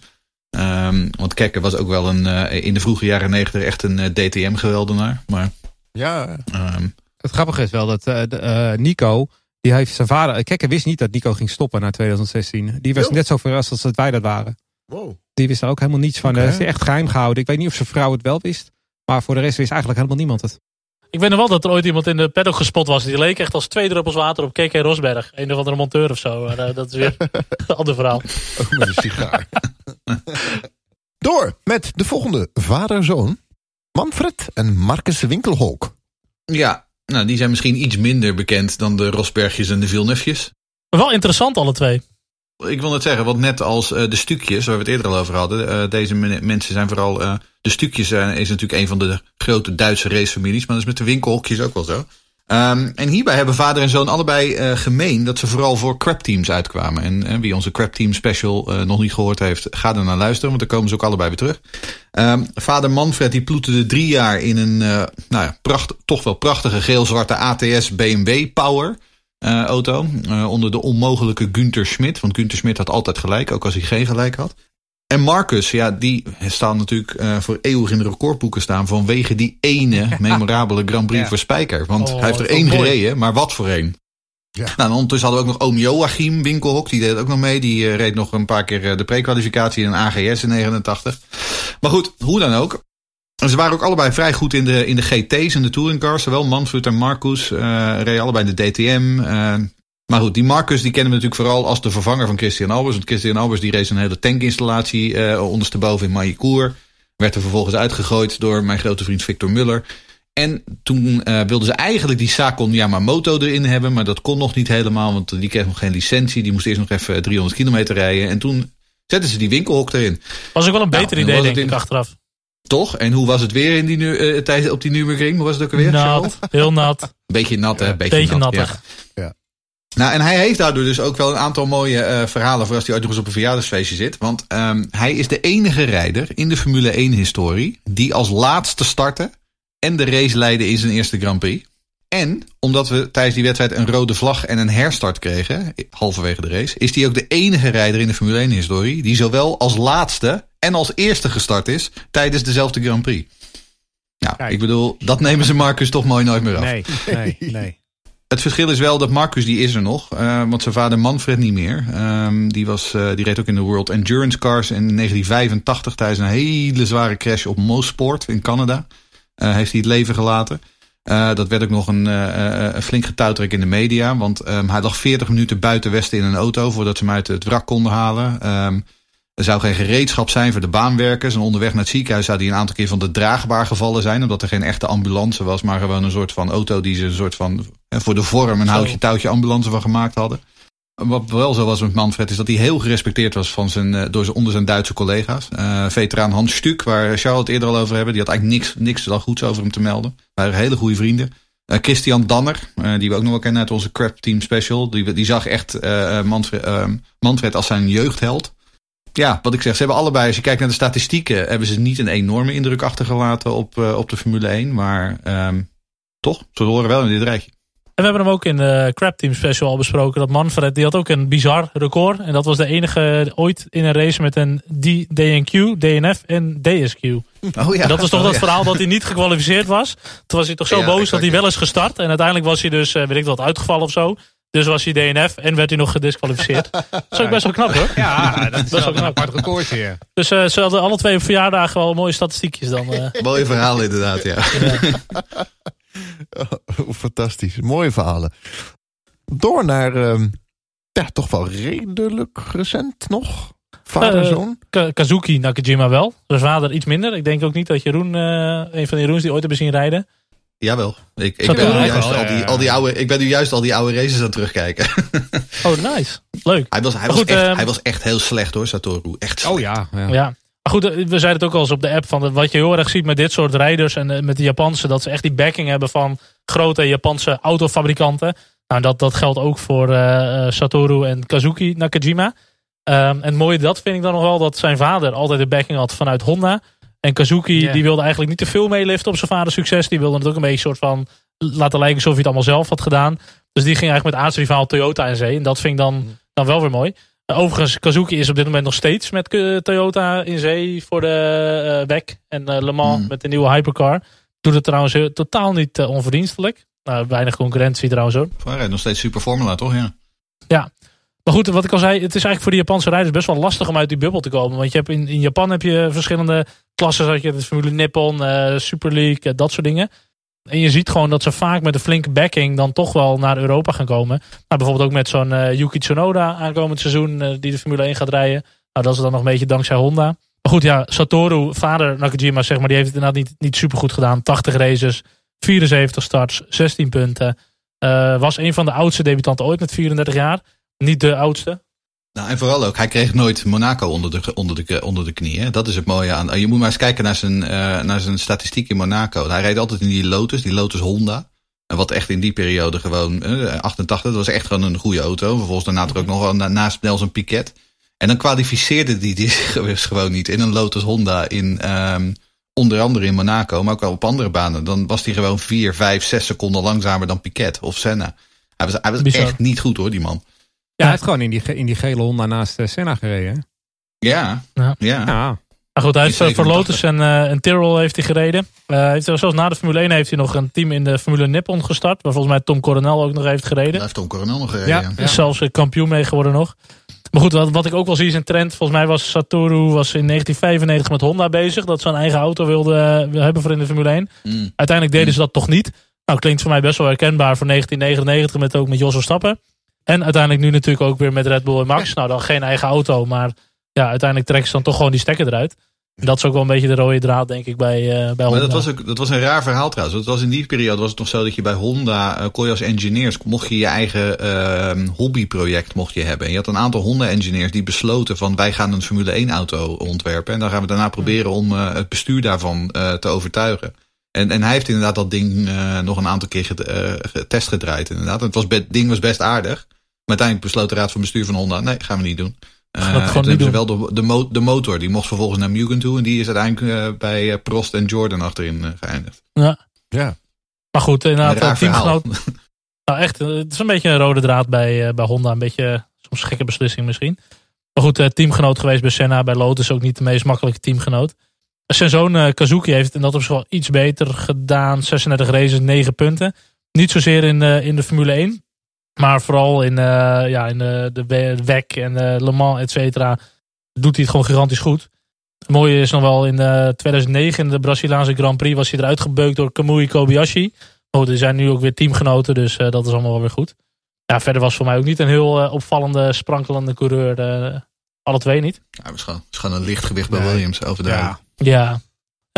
Maar goed, ja, ik heb daar verder ook. Dit is een periode die ik wel kijk of heb gekeken met, uh, met Kazuki. Maar er staat me ook niet heel veel herinneringen bij dat ik nou denk van nou, dat was Ik nou heb alle twee zien rijden, maar ik uh, kan niet zeggen van dat ik voor hun de Formule 1 ben gaan kijken, nee. Nee, nee maar Kazuki Nakajima is voor mij echt zo'n naam van oh ja, die heeft ook ooit nog eens Formule 1 gereden.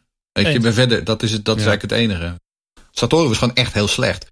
Ja, maar die ken ik vooral omdat hij na Senna reed in die prachtige auto. Ja. ja. En naast Piquet. Ja. En naast Piquet ook inderdaad. Trouwens ook niet de makkelijkste teamgenoot. Hè? Dat je gewoon eerst Senna krijgt en dan volgens Piquet zeg maar. Je eerst een paar jaar uh, dat, dat je nee, teamgenoten zijn. Dat is alsof je eh, Nicolas Latifi naast Lewis Hamilton in de Mercedes uh, zet ja, eigenlijk. Ja, Zo'n verschil zit er. Ja. Dat is een verschil, ja. Eens? Je noemde hem net al. Piquet, waar gaan we naartoe? Toen uh, ik in 91 voor het eerst Formule 1 gekeken. Reed hij voor die prachtige gele Benetton. Ja, uh, alle kleuren had hij toen. Ja, ja, in Adelaide vloog hij eraf. En de Belgen noemden hem Nelson Piquet. Noemde die Nelson Pickett? Nelson Pickett. Oh, wat leuk. Had ik in die tijd België moeten gaan kijken. Ja. Maar dus, uh, nu komen we steeds dichter bij de bekendere namen. Nelson Piquet en Nelsinho Piquet. Ja, alle twee uh, Formule 1 gereden inderdaad. Maar uh, daar zit dus ook wel weer een heel erg groot verschil in succes. Hè? Nelson drievoudig wereldkampioen, 23 zegens, een heleboel podiums en alles. En um, Nelsinho, of Nelson Junior, is eigenlijk een voetnoot in de geschiedenis. Hè? 28 races. Wel heel erg bekend geworden vanwege het uh, befaamde Crash Gate incident op uh, Singapore. Dat hij expres uh, de vangrail in ging omdat de Flavio Briatore hem dat in had gefluisterd.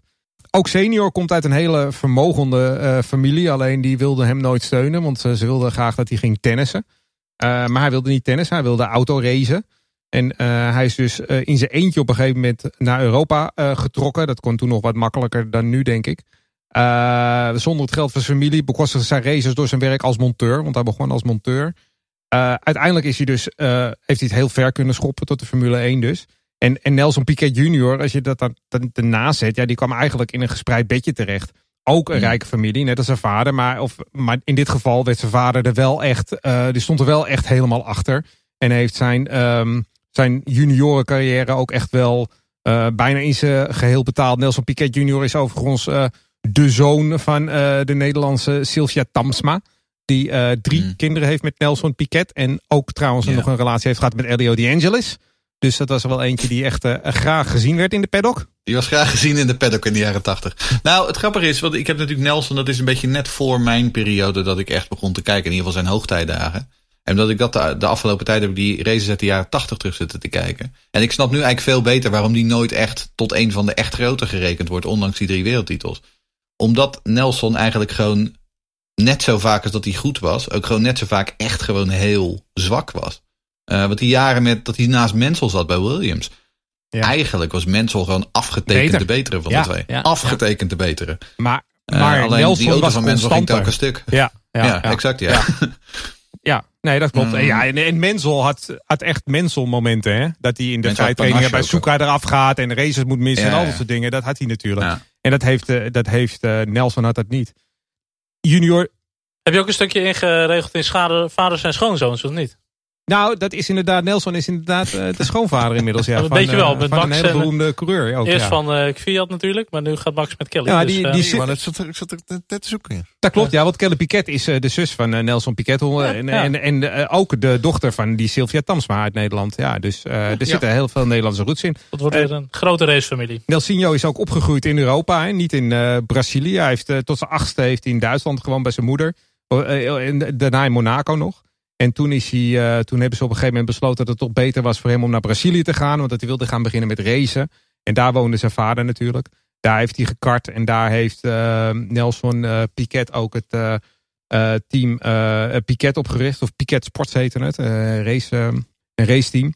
Maar als je bijvoorbeeld kijkt, uh, Piquet senior heeft wel heel veel gedaan voor zijn zoon. Want hij heeft uh, het betaald en hij heeft hem uh, altijd gesteund en dergelijke. Maar wat hij bijvoorbeeld niet gedaan heeft, zoals Jos Verstappen, die heeft alles aan de kant gezet voor de carrière van Max. Nou, dat heeft Nelson niet gedaan. Nelson die is Na zijn racecarrière heeft hij een, is hij een bedrijfje begonnen in GPS-tracking, geloof ik. En dat heet Autotrack. En daar heeft hij geloof ik 100 miljoen of zo mee verdiend. Daar heeft hij zijn grote mm. vermogen mee verdiend. Niet met het autoracen. En daar heeft hij dus heel die carrière van zijn zoons mee gefinancierd. maar hij heeft de dagelijkse beslommeringen rond zijn zoon heeft hij, heeft hij uitge, uitge, uit handen gegeven aan Agnaldo Furlani. Dat was een, een vertrouweling van, van Nelson Piquet senior. En dat is een oudere kartmonteur. En die heeft eigenlijk, die is ook samen gaan wonen met Nelson Piquet junior in, in, in Europa. En heeft hem begeleid door die Europese, Europese jeugdklasses heen. Nelson had best wel veel talent. Hij heeft in Brazilië best wel veel gewonnen. En in Europa deed hij het ook best wel aardig. Alleen je kon wel heel erg zien dat hij um, qua talent niet het ultieme talent had. Hij moest vaak, als hij in de raceklasse kwam, het eerste jaar was het meestal nog niet zoveel. En in het tweede jaar kwam het pas opzetten. Uh, hij heeft in de Formule. Hij is wel de jongste Britse Formule 3 kampioen ooit. Dus hij heeft echt wel wat gepresteerd. Maar in zijn juniorloopbaan legt hij niet vaak af tegen Lewis Hamilton. Die toch wel over iets meer talent beschikte. En niet het voordeel had van een rijke familie. Want je moet ook niet vergeten dat Piquet Sports zorgt altijd wel voor het beste materiaal. De beste engineers en de beste teams voor zo'n. Dus ik denk uiteindelijk dat Nelson Piquet junior gewoon een klasse minder is geweest dan zijn vader. En uh, uiteindelijk heeft dat geleid dus tot 28 Grand Prix. Een grof schandaal uiteindelijk uh, op Singapore toen. Um, maar uiteindelijk denk ik dat uh, als het gaat om de twee piketjes... dat ze wel in de geschiedenis staan waar ze horen te staan op basis van hun talent. Ja, wat jij zegt, hij wint het Brits Formule 3 kampioenschap. Maar ik bedoel, ja. dat, was in die ja. dat was in die jaren ook al een aflopende zaak. Hè? Dat was niet meer het Brits Formule 3 kampioenschap van wel eer. En je moet er echt bij zeggen dat, uh, dat hij echt altijd het beste materiaal had in die junior series. Ja, ja. Daar, daar werd echt voor gezorgd. Hij echt, zijn vader heeft echt heel veel geld in gepompt. Dus uh, dat is altijd wel een dingetje. Nou, je ziet wel weer, wat je ook bij Hill en Rosberg zat, is ook dat bij hun, ook weer, ook weer bij hun, de oude, de vader, is eigenlijk de veel leukere, het veel leukere karakter. Nelson was echt een, een, vrouw. Die heeft geloof ik zeven kinderen bij vier verschillende vrouwen. Nou, dat is ook wel een beetje zoals hij leefde. Hij deed het met alle vrouwen die langs, uh, die langs hem liepen. Uh, hij hield van feesten, hield van partijen. Hij was heel grof in de mond. Hè. Nigel Mensels uh, vrouw ooit. Ik wil zeggen, Nigel Mensels vrouw was die iets minder positief over. Heeft hij dat wel eens gezegd, ja. en zijn zoon, Nelson junior, is eigenlijk een heel beschaafde jongen. Is echt een heel, een beetje saai ik denk enerzijds omdat de tijd, wat we net al zeiden, was gewoon ook anders. dan kon je echt jezelf zijn. En als coureur, helemaal tegenwoordig met, eh, met, Nelson ook al, met Delsino. Dan, je moet ook echt in een maatpak, perstraining. het moet allemaal opgepoetst zijn voor de sponsors en zo. Ik denk ook wel dat uh, de vaders, die hebben de weg geplaveid. En de zoons, die zijn dan toch vaak een beetje verwend. En die zitten er maar een beetje. En die vinden het maar gewoon, zeg maar. Ja. Er speelt misschien ook wel iets mee nog. Wat ook meespeelt, denk ik, is dat Nelson is eigenlijk een van de eerste uh, coureurs die we in de Formule 1 gezien hebben, die echt mind games speelden. Want uh, hij zei inderdaad over uh, Nigel Mansell, een lelijke vrouw. en Nigel Mansell staat meteen op de kast, hè? Ja. Ik vind, Die kon uh, daar absoluut niet mee omgaan met dat soort mentale, mentale games. En, en daarna heb je gezien, Senna ging dat doen, Prost ging dat doen, Schumacher ging dat doen. Nou, dat wordt nog steeds wel gedaan. Hamilton en Rosberg, we kennen het allemaal. Al die verhalen, al die mind games, allemaal heel normaal in de Formule 1. Maar Nelson is wel een van de grondleggers daarvan. Nou, maar niet, niet alleen mind games. Hij was er ook een keer op de vuist gegaan met iemand op het circuit. Dat ja, ja, met uh, Pablo uh, Salazar. Salazar. Eliseo Salazar. Op ja, als, je, als je terugkijkt naar de jaren 60 met Stewart en uh, Jimmy Clark en Graham Hill. Die, die, dat waren echt vrienden van elkaar. Echt maatjes. En die kwamen bij elkaar op de koffie en de feesten met z'n allen. En op vakantie met z'n allen. Ja, dat is daar wel echt, in, die, in die periode dat Piquet op kwam zetten, is dat wel echt een beetje gaan keren. Ja. We gaan naar Jan en Kevin. Ja, want uh, als we het dan hebben over het Brits Formule 3. Um, ehm, toen zij allebei nog in het Brits Formule 3 reden. In ieder geval uh, papa Jan. Uh, toen was het nog wel serieus. want zowel Jan en Kevin Magnussen werden eigenlijk wel allebei omschreven als een van de grootste talenten van hun generatie. Voor aanvang van het F1 debuut. En eigenlijk hebben ze allebei die belofte verre van ingelost. Um, Jan die was echt voor de Formule 1 adembenemend goed. Die won voor 14 van de 18 races in het Brits Formule 3 in 1994. En daarmee brak hij het record van Ayrton Senna. Senna, um, Die dat begin jaren 80 had gezet. En vader Jan, nou, die kreeg één enkele invalbuurt eind 1995 in de ondermaanse McLaren. Um, maar maakte zijn eigenlijke echte debuut in 1997 voor het gloednieuwe Stewart Ford team. Nou, dat op papier, hè, de Stewart stonden aan het roer. En daarmee had hij ook in de Formule 3 gereden. Um, een groot, grote Ford stond erachter. En hij had teamgenoot Barrichello. Maar ja, die uh, Stewart die was echt, de betrouwbaarheid van het ding was ongelooflijk beroerd. Uh, en hij had daar nog meer last van dan Barrichello. Barrichello kreeg natuurlijk nog die, die prachtige tweede plek in Monaco in de stromende regen. Maar goed, ondanks de eerste flats jaar mocht, mocht Jan aanblijven voor 1998. Um, ehm, en toen kreeg hij, um, ondanks het feit dat hij in Canada eindelijk zijn eerste WK-punt scoorde, kreeg hij halverwege het seizoen toch de zak. En toen werd hij vervangen door, kom de Marine Charles. Het begint met Jos. Het begint met Jos, Jos het eindigt op Jos Verstappen, goed zo. En die, die was ook heel erg te spreken over de steward, Jos Verstappen. En dat was eigenlijk het einde van de eh, carrière van, eh, van Jan Magnussen. Um, Jan Magnussen die... Um, ja, absoluut. Um, ging daarna naar Amerika. Hij is inmiddels is die factory driver voor General Motors in de Corvette. Is uh, vier, keer, uh, vier keer winnaar in zijn klasse op Le Mans geworden met Corvette. Is hartstikke gelukkig in Amerika. En het leuke is dat Kevin nu natuurlijk na die jaren bij Renault en bij Haas nu ook in Amerika aan de slag is met Ganassi. Dus dat is wel leuk dat vader en zo nu in Amerika weer verenigd zijn. Want Kevin was natuurlijk ook zo iemand die begon zijn carrière met een tweede plaats in de McLaren. En vanaf dat moment ging het alleen maar bergafwaarts. Um, die haalde zijn hoogtepunt in zijn allereerste Grand Prix. Um, het begin in de McLaren, dat deed Lewis Hamilton ook. Um, maar uh, voor Kevin liep het allemaal wat minder af. Een jaar niks, jaar Renault, vier jaar Haas. 2018 was zijn beste jaar, uh, negende in 2K. ik denk dat hij zeker een kleurrijke vent is. echt, echt getalenteerd ook, maar ook wel te grillig voor de absolute top. Wat, wat, wat ik wel opmerkelijk vind hier is dat er eigenlijk veel minder een, zo'n zoon van complex is bij de Magnussens. Ik heb nooit het idee gehad dat Kevin nou ontzettend veel uh, um, voordeel heeft gehad van het feit dat hij de zoon van Jan Magnussen was. Uh, maar dat ik denk ook omdat Jan uiteindelijk gewoon een voetnoot in de Formule 1 geschiedenis was. Uh, dus dat effect was gewoon veel minder sterk. Je hebt niet echt het gevoel dat hij hem echt heeft begeleid of beschermd of getraind of wat dan ook. Uh, ik vind Kevin zelf ook wel een beetje zo'n rauwe coureur. Die spreekt zich ook wel uit binnen de lijntjes. Weet je, maar dat had hij toen voor mij met Hulkenberg. Dat zak mijn bal, Zanny. En ja, ja, dat soort dingen. Hij is wel, ik vind het wel uh, hij is, nou, agressief. Ja, wel een beetje op de baan. En wel gewoon, uh, laat hem wel staan. Vind ik ook wel mooi hoor. Ja, absoluut. Kijk, en, en hij, natuurlijk, hij, heeft wel wat tips gehad. En hij is wel wat begeleid door zijn vader. Maar ik bedoel, hè, wat we het eerder over hadden. Dat uh, Keken die voor Nico speciaal team Rosberg op poten zette. Dat, dat heeft Jan Magnussen nooit gedaan. Die had ook helemaal de middelen niet voor. Um, dus Kevin is er ook echt wel om zijn eigen merites heeft hij de Formule 1 gehaald. Um, uh, het Mick Schumacher effect, dat zie je hier niet. Wat, wat ik me afvraag, is, is, volgens mij is Jan nog best een jonge vader. Is dat, Heel jong. Zijn dit niet de ja. vader-zoon die, die dichtst bij elkaar zitten in dit, in dit hele zou, lijstje? Zou, kunnen. Zou, zou het zou best nog wel kunnen, ja. Het staat me iets van bij dat Jan 19 was of zo. Dat hij, ja, dat 19 of 20 inderdaad. Ja. ja hij was heel jong. Ja. Want hij, hij debuteerde ook in die Stewart toen hij pas 20 of 21 was. Ja. Maar goed, wel mooi om te zien dat Kevin nu ook na, na de Formule 1, wat hij trouwens nu alweer meteen aan het afkraken is, dat hij ook wel weer andere autosport gaat doen. En ik denk dat hij echt misschien wel weer de liefde voor de autosport gaat vinden. Als je hem nu op Daytona zag en zo. Ik vind dat ook wel weer mooi hoor. Het is echt geen, geen slechte coureur. Maar dat is ook wat hij gezegd heeft in die recente uh, interviews. Ik, ik, las, ik, ik luisterde pas naar uh, een interview met hem met Marshall Pruitt over zijn eerste kennismaking met die uh, Daytona-auto, met die IMSA DPI, met die prototypes. Hij zegt, ja, hij zegt hiervoor He, dat gegrom van zo'n grote Cadillac V8. Daarvoor ben ik uiteindelijk de autosport ingegaan. Ja. Hij zegt, en ik wil gewoon weer winnen. Hij zegt, en Lachen. ja, de Formule 1, uh, uiteindelijk, ja, ik heb natuurlijk, het is wel uh, het toppunt van uh, de autosport. Maar hij reed vooral achteraan. het zijn natuurlijk gewoon computers. Je kunt je af en toe afvragen of die auto niet jou rijdt in plaats van andersom. Ja. Um, dus ja, ik snap wel dat het in Amerika, het is allemaal, het is allemaal veel rauwer en veel primitiever. en ik denk inderdaad dat het voor hem wel goed is inderdaad om nu weer wat, wat jij zegt, die liefde voor de autosport weer wat terug te vinden. Door naar de volgende vader en zoon. Jonathan en Jolyn Palmer. Jolyn Palmer doet tegenwoordig uh, heel goed verslag voor Sky, meen ik. Ja, en columns schrijft hij. Ja, ja. Als niet met de BBC ja. deed hij wat, met Sky volgens mij. Maar ja, er zijn hele goede, hele goede columns vind ik vaak. Die schrijft. maar ook zijn, zijn, zijn post-race uh, analyses en dingen. Wat hij zegt snijdt altijd wel hout. Dat uh, doet hij zeker goed. Beter dan zijn Formule 1 carrière, dat, dat moet ik zeker zeggen. maar goed, als we dan hebben over invloed in de sport, dan is Jonathan voor mij wel echt de betere coureur. Als je meteen onderaan de lijn gaat kijken. Mm. Jordan kwam ook in dat opzicht wel in een gespreid bedje. Zijn vader heeft natuurlijk een aantal circuits. Uh, ik vond daar aan, aan Jordan vond ik altijd weinig uh, qua uitstraling. Vond ik hem niet zo spannend. En ik was ook wel weer blij dat hij de Formule 1 had verlaten. En dat zijn van die kleurloze coureurs.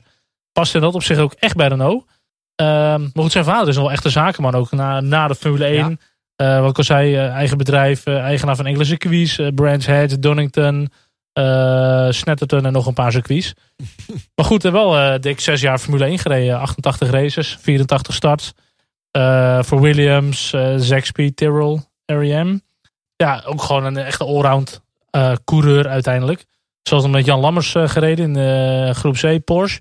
Ja, ook niet super charismatische man, maar Nee, maar hij reed in die Tyrrell ook. Dat was ook in die jaren dat, dat je nog de turbo's had. En Tyrrell was een van de weinige teams die geen turbomotor hadden. Dus ze hadden alleen maar een Cosworth. Hij is toen ook nog een keer, wat is het? Wat was ook weer? De Jim Clark Trophy. Dat je de wereldkampioenschap ja, voor, de, voor, voor de uh, auto's, zonder turbo. Klopt. Uh, en dat, hij, dat hebben ze één seizoen georganiseerd. En dat hebben Tyrrell en Jonathan Palmer dat jaar gewonnen. Dus hij reed ook al heel vaak. Hij reed echt, het was echt vechten tegen de bierkaai wat dat betreft. In een auto die hopeloos underpowered was. Ja, qua karakter kan ik hem moeilijk inschatten. Ik heb nou niet het idee dat Jonathan ook echt super charismatisch was of uh, outgoing. Van Huub Rotegat vragen hoe, hoe grote vrienden ze waren. bij Zackspeed. Uh, toen, toen Huub Rotegat bij Zackspeed kwam uh, en die, die tweede auto ging rijden, toen werd Jonathan Palmer was daar helemaal niet van gediend. Want die had opeens het idee van ja, nu gaan ze de aandacht verdelen over ons. Dus uh, Jonathan Palmer die was schijnbaar echt. als we het nou hebben over psychologische oorlogsvoering, schijnbaar zat Jonathan Palmer de hele tijd dat, dat team te pushen om hem maar alle nieuwe onderdelen te geven en hem extra testtijd te geven. En ehm, daar heeft Huub Rotegat heeft daar nog wel wat aardige verhalen over. Ik, denk, ik denk dat het in dat opzicht ook wel een hele slimme, slimme man is in dat opzicht hoor. Als je hem ook mm. ondernemend ziet en uh, met raceklasses. En, ja, ja, ja, zeker. Ja. Dus in dat opzicht, uh, qua autosport en ook voor, voor uh, als Brit zeg maar, heb je het helemaal niet verkeerd gedaan hoor. Goed, zijn zoon daarentegen twee jaar Formule 1 gereden bij Renault. dat was uiteindelijk volgens mij dat Lotus toen uh, failliet was gegaan, overgenomen door Renault. En toen namen ze Palmer aan met Magnussen. Ja, op zich een leuke line-up, maar wat ik zeg, dat past echt bij Renault. Ja, erop was hij met Hulkenberg als teamgenoot. En heb je volgens mij het seizoen ook niet eens afgemaakt. uiteindelijk negen punten in de Formule 1 gehaald. Uh, ja, ik was zelf wel blij dat hij, uh, dat hij weg was uiteindelijk. Maar wel, wat wel opvallend is, dat als je al die, die verhalen kijkt, dan zie je vaak dat die zonen toch gaan, zijn gaan racen door hun vader. Ja. Maar, maar, maar Jolien heeft nooit gekart. Die ging pas heel laat, laat, laat pas, begonnen, ja. pas heel laat begonnen met ja. racen, voorbij de karting al. Ja, dat is wel waar. Uiteindelijk wel GP2 kampioen geworden, maar uh, wat ik zeg, ehm, ja, ik vond het niet een sprankelende ja, coureur. Vier, vijf jaar of zo. Dat duurde, dat duurde ook even voordat hij zover was. Ja, eens. Beetje Marcus Eriksson achter wat dat betreft. Ja. En dan heb je nog een broertje Will, die doet ook uh, racen, maar die is uiteindelijk ook niet uh, Schat ik Eriksson nog hoger niveau gehaald. Ja. Ik schat Eriksson hoger in dan Palmer. Ja. Maar ik vind Palmer een goede columnist. Ik Ja, een goede, goede mening, zeker. Ja. De laatste in het rijtje van uh, vader en zoon. Natuurlijk, hoe kan het ook anders? Jos en Max Verstappen. Ja, wat moet je daar nog over vertellen? Nou ja. Oké, okay, next. Jos en Max, het is natuurlijk uh, de bekendste vader en zoon op dit moment. Maar ik denk volgend jaar worden die uh, ingehaald door de, door de Schumachers. Ja. Maar uh, de, bij, bij Jos en Max heb je wel heel erg gezien dat ehm, Max is zover gekomen mede door Jos. En dat zie je denk ik van al, alle, alle gevallen die wij dit, deze special hebben behandeld. Denk ik dat je het bij hun het meeste ziet. En Jos is echt, in tegenstelling tot wat ik eerder bijvoorbeeld bij Piquet zei, heeft hij echt alles aan de kant gezet. Zijn hele carrière. Hij heeft de zakelijke beslomming overgelaten aan, aan Raymond Vermeulen. Hij heeft alleen maar met, met Max getraind om, uh, om, uh, om de Formule 1 uiteindelijk te halen. En dat, dat, dat is wel heel erg opvallend bij de Verstappens. En zelfs op een manier dat je denkt van, weet je, we hebben laatst de mensen die dat gekeken hebben, in ieder geval de Ziggo documentaire, waar het verhaal verteld wordt van Jos dat hij, hem, dat hij Max bij een, na een kartwedstrijd waarin hij een grote fout maakte, dumpte hij hem op parkeerplaats ergens bij een Italiaans tankstation. En is hij weggereden. ja, dat zijn voor mij als normaal mens en niet topsporter, is dat, vind ik dat ethisch uiterst dubieus dat je zoiets doet. Dat vind ik neigen naar, naar verwaarlozing van kinderen. Maar goed, hij heeft daar wel een bepaald doel voor ogen gehad. En dat heeft hij er ook mee bereikt. En dus uiteindelijk heeft hij het wel goed gedaan. Maar hij heeft een soortgelijk verhaal als toen is verteld in een interview in de Telegraph. Uh, iets van, wat is het, zes of zeven jaar terug of zo. Dat ze op een gegeven moment, dat er toen ook, toen was hij in de regen van de baan gespind. En toen praatte hij een week lang niet tegen hem of zoiets. Ja, ja, ja, ja. En ik heb me altijd afgevraagd, waarom vertel je dat? Ik, nou, ik, ik, ik heb dat altijd een hele rare kronkel gevonden. Dat je dat vrijwillig, nou. dat je dat soort anekdotes gaat vertellen aan een journalist. Ja, ik denk wel, mensen weten ook hoe Jos is. En, en we hebben het vaak niet over privé, van coureurs, et cetera. Maar ja, Max is natuurlijk niet heel zeg maar, zachthandig uh, met, uh, met de fluwele handschoentjes mm. opgeleid. Want er is gewoon geen enkele coureur die gewoon zo'n opleiding tot de Formule 1 heeft gehad als Max. En dat heeft Jos gedaan.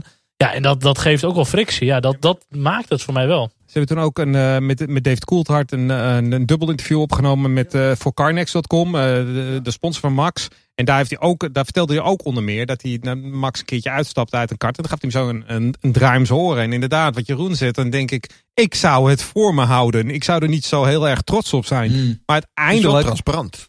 Ja, het is wel transparant en uiteindelijk heeft het wel zijn doel bereikt. En hij is in alle uh, paren die we hier besproken hebben, hij is afgetekend de beste ten opzichte van zijn vader. Hij is afgetekend de beste zoon. Hij is zoveel beter dan zijn vader ooit was. Um, en dat geldt voor uh, alle anderen niet. Ik denk ook dat Max gewoon zo goed met druk om kan gaan. Waar anderen met knikkende knietjes zitten. Want er zitten 600, 700 man in de fabriek te werken hmm. aan die auto. Max is denk ik nog eerder bang om de mening van zijn vader te horen als hij het fout doet. Dus het geeft ook wel een hmm. soort van druk. Maar uiteindelijk wel een soort van comfort. Dat hij gewoon weet ik hoef me niet druk te maken, want ik ben gewoon goed. En, en hij is het gewend, zeg maar. Gewoon. Ik, denk dat Jos ook heel veel heeft gezegd, zo moet je het niet doen, want... Die, dat zegt hij toch ook vaak. Ik, ik vertel hem van nou mijn, mijn, fouten die ik... Dat is wel, uh, Max die profiteert eigenlijk van de fouten eh, van Jos... of de dingen die daar mis zijn gegaan in zijn carrière. Uh, maar goed, nu is nog wachten tot Max wereldkampioen wordt. Want dat is iets wat hij absoluut verdient. Nou, dat is wel wat jij zegt. hij, hij leert echt van wat zijn vader verkeerd heeft gedaan. Eigenlijk is de carrière van Max is al begonnen toen Jos in 1994 op Interlagos debuteerde. Toch wil ik altijd ook nog even, even zijn moeder noemen. Ja, zeker. Sofietje. Ja, die moeten we even moeten noemen. Want die nou, dat is wel zo. Bijgedragen. Want toen, die, toen we met deze special bezig waren, zat ik van tevoren ook te, even te denken, zal het ook een beetje genetische aanleg zijn? Maar ja, in feite, er zijn, heb ik toevallig even nagekeken hoor, dat weet ik dan weer niet uit mijn hoofd, maar er waren 776 Formule 1 coureurs zijn er geweest in de historie. En uh, er zijn er maar 15 waarvan de zoon het ook hebben gehaald. Dus dat is genetisch wel... een deel DNA-onderzoek gedaan. Ik zei het vorige keer al, deliberate practice. Het is gewoon trainen, trainen, trainen. Maar het is bij hun wel uh, met Sophie en Jos van beide kanten. Ja. ja. Ah, uh... Maar dit, dit heb ik volgens mij in onze Verstappen special al eens gezegd. Max is een Verstappen 2.0. Hij, hij combineert het beste van zijn moeder en het beste van zijn vader. Um, Want zijn moeder is natuurlijk een, een, veel zachtere persoonlijkheid. Ik bedoel, dat spreekt uit alles als je er, als je er hoort en ziet. Zij is een zachtere persoonlijkheid. En ik denk dat zij misschien een beetje die ruwe randjes eraf haalt. Die, af, en toe bij jo, die af en toe bij Jos ziet. Um, en in Max heb, krijg je daardoor een heel allround, uh, uh, ontzettend goede atleet. Um, en dat zie, dat, dat, dat zie je nu wel. Ja, maar waar Max ook altijd bij zijn vader was. En dat vind ik ook nog wel vernoemenswaardig met Victoria die was al bij de moeder. Maar die, die, is ook wel eens gaan karten. En dan dacht je wel eens van, wat, wat als die ook nog echt gaat racen, weet je wel. En echt die, die tijden gaat instoppen en die begeleiding krijgt. Ik denk dat die ook wel heel ver had kunnen komen. Maar goed, die, heeft, die heeft nooit competitief gereden. Ze wel eens op Barcelona met de familie en dat soort dingen. Hm. Uh, maar goed, dat had ook wel. Dat had je vader-dochter kunnen hebben misschien. En dan gaat hij nu ook nog eens met de, uh, de dochter van Nelson Piquet. Dus wat daar nou weer van wonderkind uit gaat komen. Bizar. Wat komt daar Bizar. Nou weer uit? Ja. Nou, de, de eerste vrolijke uh, Formule 1 die een race gaat winnen. Dat zou heel mooi zijn. Dat zou heel mooi zijn. Want dat is wel, de specials gaat over vaders en zoons in de Formule 1. Maar hoe mooi is het als het, als het over moeders en zoons gaat? Of uh, vaders en dochters of zo? Ja, weet je, met, nou ja, de, de, komt, daar gaan we het zo erover hebben. Maar er, er zou nu een eerste vader en dochter combinatie aan kunnen komen. Maar eh, over, over, over Verstappen, wat hij ook nog, uh, Max heeft, veel heeft geleerd.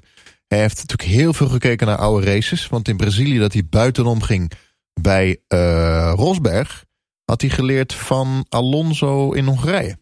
Ja, het is gewoon een spons. Hij neemt zoveel kennis op simracen, races terugkijken.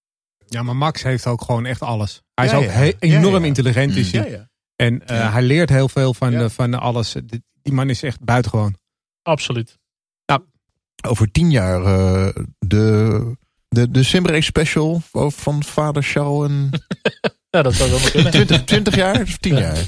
Nummer 20, nummer 20 hoor. Of, maar uh, wat vind je van podcasten? Eh, podcast oh, dat vind ik een goed idee. Dat ja. neem ik de volgende keer mijn zoon mee in plaats van dat ik zelf kom. oh, dat is een goed idee. Ja, laten we dat doen.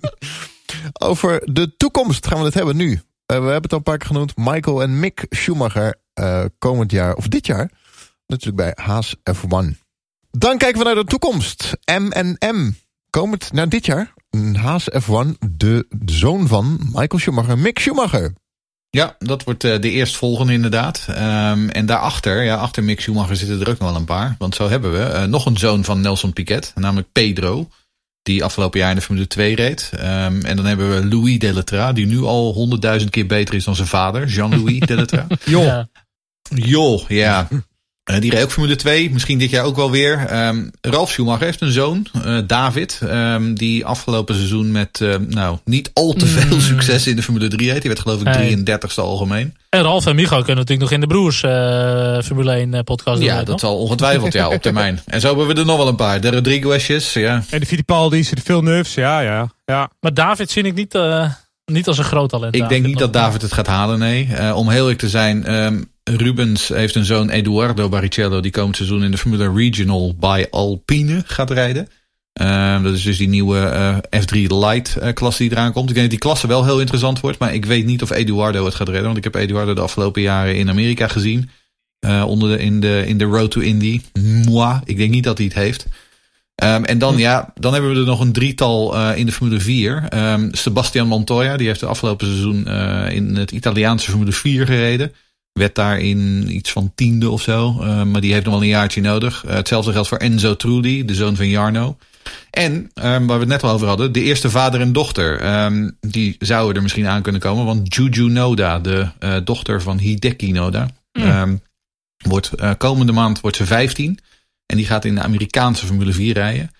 Um, die, als we het nou hebben over, over uh, be, uh, begeleiding uh, en de manier waarop Jos het aangepakt heeft met Max, dat is wel wat Hideki Noda ook met zijn dochter Juju aan het doen is. Ze test ongelooflijk veel. Um, hij heeft eigenlijk zijn hele carrière toegewijd. Ze hebben, ze hebben speciaal voor haar een team gebouwd, Noda Racing. ze hebben flinke geldschieters erachter zitten. Ik denk wel dat Juju een hele goede kans maakt om, om de ladder te beklimmen. Um, want die, daar zit echt een, ja. een, een lange termijnsplanning achter. Dat vooral. Ik weet, Jeroen, jij bent inderdaad niet zo'n heel erg fan van het concept van de W-series. Waar ze proberen ook vrouwen wat meer tracktime te geven. Omdat, nou dan ga je, of misschien Jeroen Scholt ook. Wat, wat zij doen, dat is wel echt een goede aanpak. Gewoon veel testen, team bouwen. Um, en ook gewoon nog een beetje in de luwte houden. Nog niet meteen uh, overal maar in de Formule 3 willen, wat dan ook niet te grote stappen willen maken, maar gewoon ervaring opdoen. Ja, het interessante is dus dat ze al, ik weet ook dat ze benaderd zijn door de W-series en dat ze daar nee tegen gezegd hebben, uh, omdat ze daar gewoon geen interesse in hebben. Um, want wat, als ze dus inderdaad straks in het Amerikaanse Formule 4 rijden, dat zijn gewoon velden van uh, 30 plus auto's. Um, en dan rij je gewoon tegen de beste, tegen de beste tegenstand die je kunt vinden. Nou ja, kijk, en dan moeten ze natuurlijk wel constant leveren. Maar goed, ze reden afgelopen jaar in Denemarken, waar ze het best heel aardig deed. Um, en jong, het meisje is nog steeds zo ongelooflijk jong. Um, ik denk, er zit wel echt wel, er lijkt wel echt uh, potentie in te zitten. Oeh, ik bedenk me nog wat. Als we het dan hebben over vaders en dochters in de Formule 1. Het is misschien niet rijden in de Formule 1, maar met uh, Claire Williams en Frank Claire Williams. Frank, ja. Was ook niet de meest uh, succesvolle. Maar goed, die hebben wel hem opgevolgd in de Formule 1. Uiteindelijk natuurlijk niet heel succesvol. Maar het is nog wel vader-dochter combinatie in de Formule 1. En Stewart, of was dat een... Dat is een zoon. Dat is een zoon, ja. Paul Stewart, ja. Ja. Ja. Ja. Ja. ja. Die was als racer niet zo heel succesvol. En als teambaas ook niet. Maar goed, dit is wat er nog een beetje, een beetje aan zit te komen. En ik denk... Toto Wolf en zo? Nou, dat zou ik wel denken met Susie Wolf. Met Susie, ik weet niet zoon, of, zoon, zoon of dochter, weet ik niet. Maar goed, dat is John de Wolf. de, de grote boze wolf. Maar goed, oh, en, ja, dat zou ook kunnen. En misschien uiteindelijk nog uh, Kimmy. Die kan misschien nog met zijn zoon Robin gaan racen. Ja. ja. Um, ja, ja en ik zat nog even na te denken ook... Uh, als we het hebben over Nederlanders. Met uh, Jan Lammers. René Lammers is, zit al in de karting. Ik weet, die hebben ook echt wel een, een plan. En maar ook, Jan, ook voor René Lammers. Ik weet, er ligt echt wel een plan klaar om hem uh, ook klaar te gaan stomen voor de autosport. Uh, we hebben natuurlijk Robert Doornbos, nog met Jade of Josh, Guido, Jax. Maar goed, dus nog met twee jaar, dus allemaal wat... Uh, wat een beetje vroeg misschien. Goed, coronels. dus niet, maar je denkt niet dat Jeroen Blekemolen het nog gaat halen? Nou, weet ik niet. De jongens zijn ook wel druk bezig. Maar zijn kinderen dan, hè. Maar, maar goed, we gaan het zien wat er nog gaat komen. Wie haalde het niet? Zij hadden het ondanks de beroemde namen niet een mooi lijstje. Onder andere Alesi. Ik denk dat Jeroen daar wel wat over wil vertellen. Over Alesi. Ja. Juliano Alesi, van Juliano en ook van Jean. Ja, ja. Nou, ik ben een groot fan van Jean. Uh, zijn zoon, die, uh, uh, de, die, de talentappel is wel een beetje ver van de boom gevallen, heb ik het idee. Ja. Geldt eigenlijk ook voor die anderen hoor, moet ik eerlijk zeggen. Matthias Lauda hebben we nog. We hebben Josh Hill. We hebben nog, die is uiteindelijk wel in de, in de voetsporen van zijn vader getreden. getreden want die speelt nu in een, een rockbeentje. Dus uh, uiteindelijk heeft, ze, heeft, heeft Damon ook gedaan. Dus. Uh, Freddy Hunt hebben we nog, hè, de zoon van uh, James Hunt. Die heeft het ook niet gehaald. En Greg en Leo Mansell, de zonen van Nigel, die konden er echt helemaal niks van. En wegens onfortuinlijke omstandigheden, Surtees. Henry Surtees. Die oh, toen was overleden tijdens de Formule 2 race op Brands Hatch. Mm. Dus dat zijn ook wel treurige dingen. Want zijn vader was natuurlijk de enige kampioen op twee wielen en op vier wielen. Dus dat zijn dan wel wat treurig. ja, zeker. Absoluut. En wie het tot mijn spijt waarschijnlijk niet gaat halen, is Roy Nizani. Want zijn vader heeft natuurlijk ooit een vrije training in de Jordan gedaan. ja, die, die, alle twee net niet. Maar zoveel talent, zoveel geld. Ja, dat vind ik zonde. Vind ik heel zonde. Ja, en we hebben uiteindelijk ook nog, die moeten we wel even noemen, Artan Senna en Bruno Senna natuurlijk, neefje van. Oh, maar goed, die, die kwam ook niet eens in de buurt van zijn oom, zeg maar. nee, die ja, stond qua helm design. Ja. Nou, en ik, vind het, ik, hoop, ik hoop nog altijd dat, dat Jack Doen het gaat halen. Maar ja, dat denk ik niet eigenlijk. Denk het ook dat denk ik ook niet, nee. Nee, we hebben nog één hoofdstuk. ook de, de vaders en zoons in de Formule 1. Qua geldschieters. Met Latifi, Stroll, Mazepin, et cetera. Dat is natuurlijk ook belangrijk. Hè? Als je vader gewoon heel veel geld heeft, maar nooit Formule 1 heeft gereden. Dan ben je ook dankzij je vader gewoon in de Formule 1. Ik heb het niet. Dus, uh... dat klopt, ja. Daar heb je helemaal gelijk in, ja. We gaan naar de slotconclusie. Een beroemde achternaam. Is het een vloek of een zegen? Nee, dat is wel een zegen. Ja. Ik vind uh, het moeilijkste voor een autocoureur is uh, beginnen uh, de junior series allemaal doorlopen. Dat heeft heel veel geld en heel veel kennis heb je daarvoor nodig. En, connecties. Connecties heb je daarvoor nodig. En je ziet het bij al die families, bij de Rosbergen, bij de Piketjes, bij de Verstappens, noem ze maar op. Heeft het allemaal gewoon enorm veel geholpen. Um, de, de, de, de achternaam die opent gewoon deuren die voor anderen gesloten blijven. Uh, je ziet, je ziet het, het voorbeeld, Phil Nuff bijvoorbeeld, Bernie Ecclestone die zich ervoor inzet. Het heeft gewoon alleen maar voordelen. En uh, tot aan de Formule 1. In de Formule 1 heeft het geen voordeel meer. Dan zou je het echt helemaal zelf moeten doen. Ja. Uh, ze zeggen natuurlijk wel, ja, de druk van de vader. Ik denk dat dat wel geldt voor Mick Schumacher wellicht. Want ik denk dat de verwachtingen uh, wel erg hoog zijn bij hem. Als mensen verwachten dat hij net zo goed zou zijn als Michael. Nou, dat is hij niet. Uh, maar voor de rest eigenlijk, ik denk niet dat, dat Max Verstappen ooit gebukt is gegaan over de druk van de Verstappen achternaam. En ik denk ook niet zo dat dat voor jongens als Nico Rosberg is, eh, hoewel zijn vader natuurlijk wel behoorlijk prestaties heeft geleverd, denk ik niet dat, dat dat soort jongens echt te maken hebben gehad met druk. Ik denk alleen maar dat het een groot voordeel is geweest. Ik vind het wel schrijnend om te zien, zoals zo'n Mick die dan niet de begeleiding van zijn vader kan krijgen in zijn carrière. Tuurlijk. Tuurlijk, er heeft heel veel druk op gezeten, maar ik denk wel dat die druk, als je die vroeg daar al mee leert omgaan, dan heb je daar later alleen maar profijt van.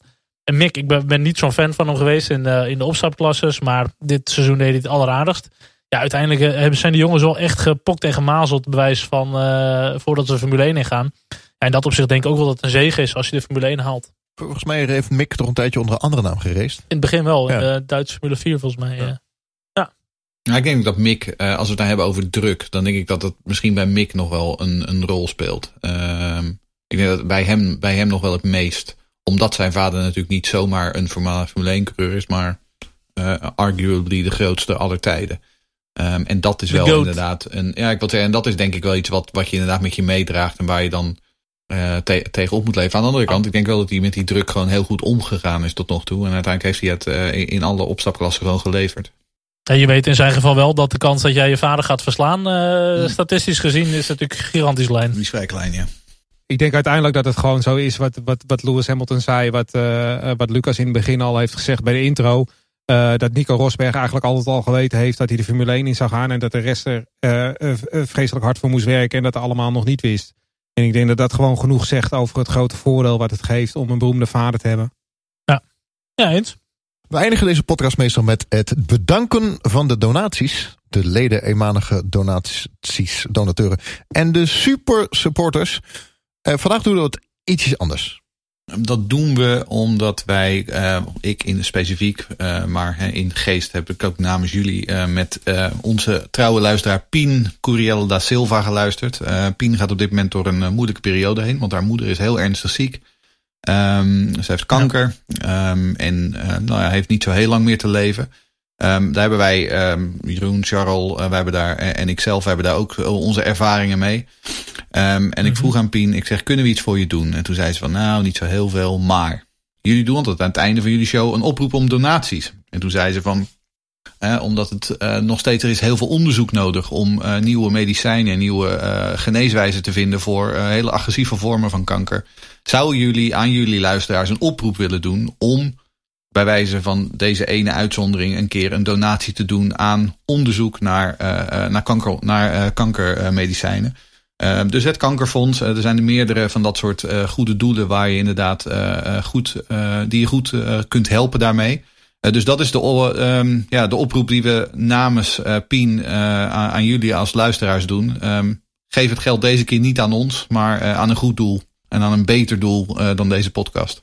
En ik neem aan dat we ook op onze socials even een linkje delen. En als ik voor mezelf spreek, ook na de ervaring zelf met kanker gehad. En goed weggekomen. Maar het is niet wat mensen wel zeggen dat je, dat je kan vechten er tegen of, of ervan verliest of zo. Je bent gewoon zoals een achtbaan waar je in zit. En je hoopt maar dat, die ooit weer, dat je weer kan uitstappen, zeg maar. En wat ik wel heel mooi vond, is dat Pien ook wel eens een berichtje volgens mij naar jou had gestuurd, Jeroen. Dat ze ook onderweg dan uh, vaak naar de podcast luistert. En dat, dat ze dan ook wel leuke lichtpuntjes of even weer aan andere dingen denken. Ja, dat zijn voor mij dingen die de podcast ook echt wel uh, het waard maken om te doen. Ik doe het altijd met heel veel plezier. Maar dat geeft mij echt een extra. Dus ja, ik zou ook zeker iedereen willen vragen om uh, dit keer aan een goed doel te doneren. Ja, ik sluit me er graag bij aan. Ik ga doneren. Ja, nee, ik zeker. Ja, ik ook. Ja. zeker. Heren, leuk jullie weer te zien in het nieuwe jaar. Het vijfde seizoen alweer van deze Race Reporter Formule 1 podcast. Ik heb nog een leuke anekdote. Het is nog nooit voorgekomen in de vijf seizoenen van deze podcast... dat de Grand Prix van Australië verslagen. Ook dit jaar niet. Oh echt? Ik dacht, oh, het, is, nog nooit gebeurd dat er geen Jeroen in de podcast heeft gezeten. Maar dat... nee, toen ik dat nieuws binnenkwam dacht ik, nee, het is, uh, gaat weer niet lukken. Het, is maar kan nog, steeds, het kan nog steeds. Hè? Ik bedoel, kan nog steeds als Australië in oktober of november uh, verreden wordt, dan verslaan we hem dan. Ja, oké. Maar dan boycott ik gewoon... Uh, Saudi-Arabië gaat ook nooit verslagen worden waarschijnlijk nee, door deze reporter. Dat is waar. Zou kunnen, ja. Heren, dank jullie wel. Leuk jullie weer te zien. Yes. Dat we weer uit onze winterslaapjes zijn gekomen. Tot de volgende aflevering. Dat was maar weer een genoegen. Is goed. Hoi hoi. Doei. Doeg.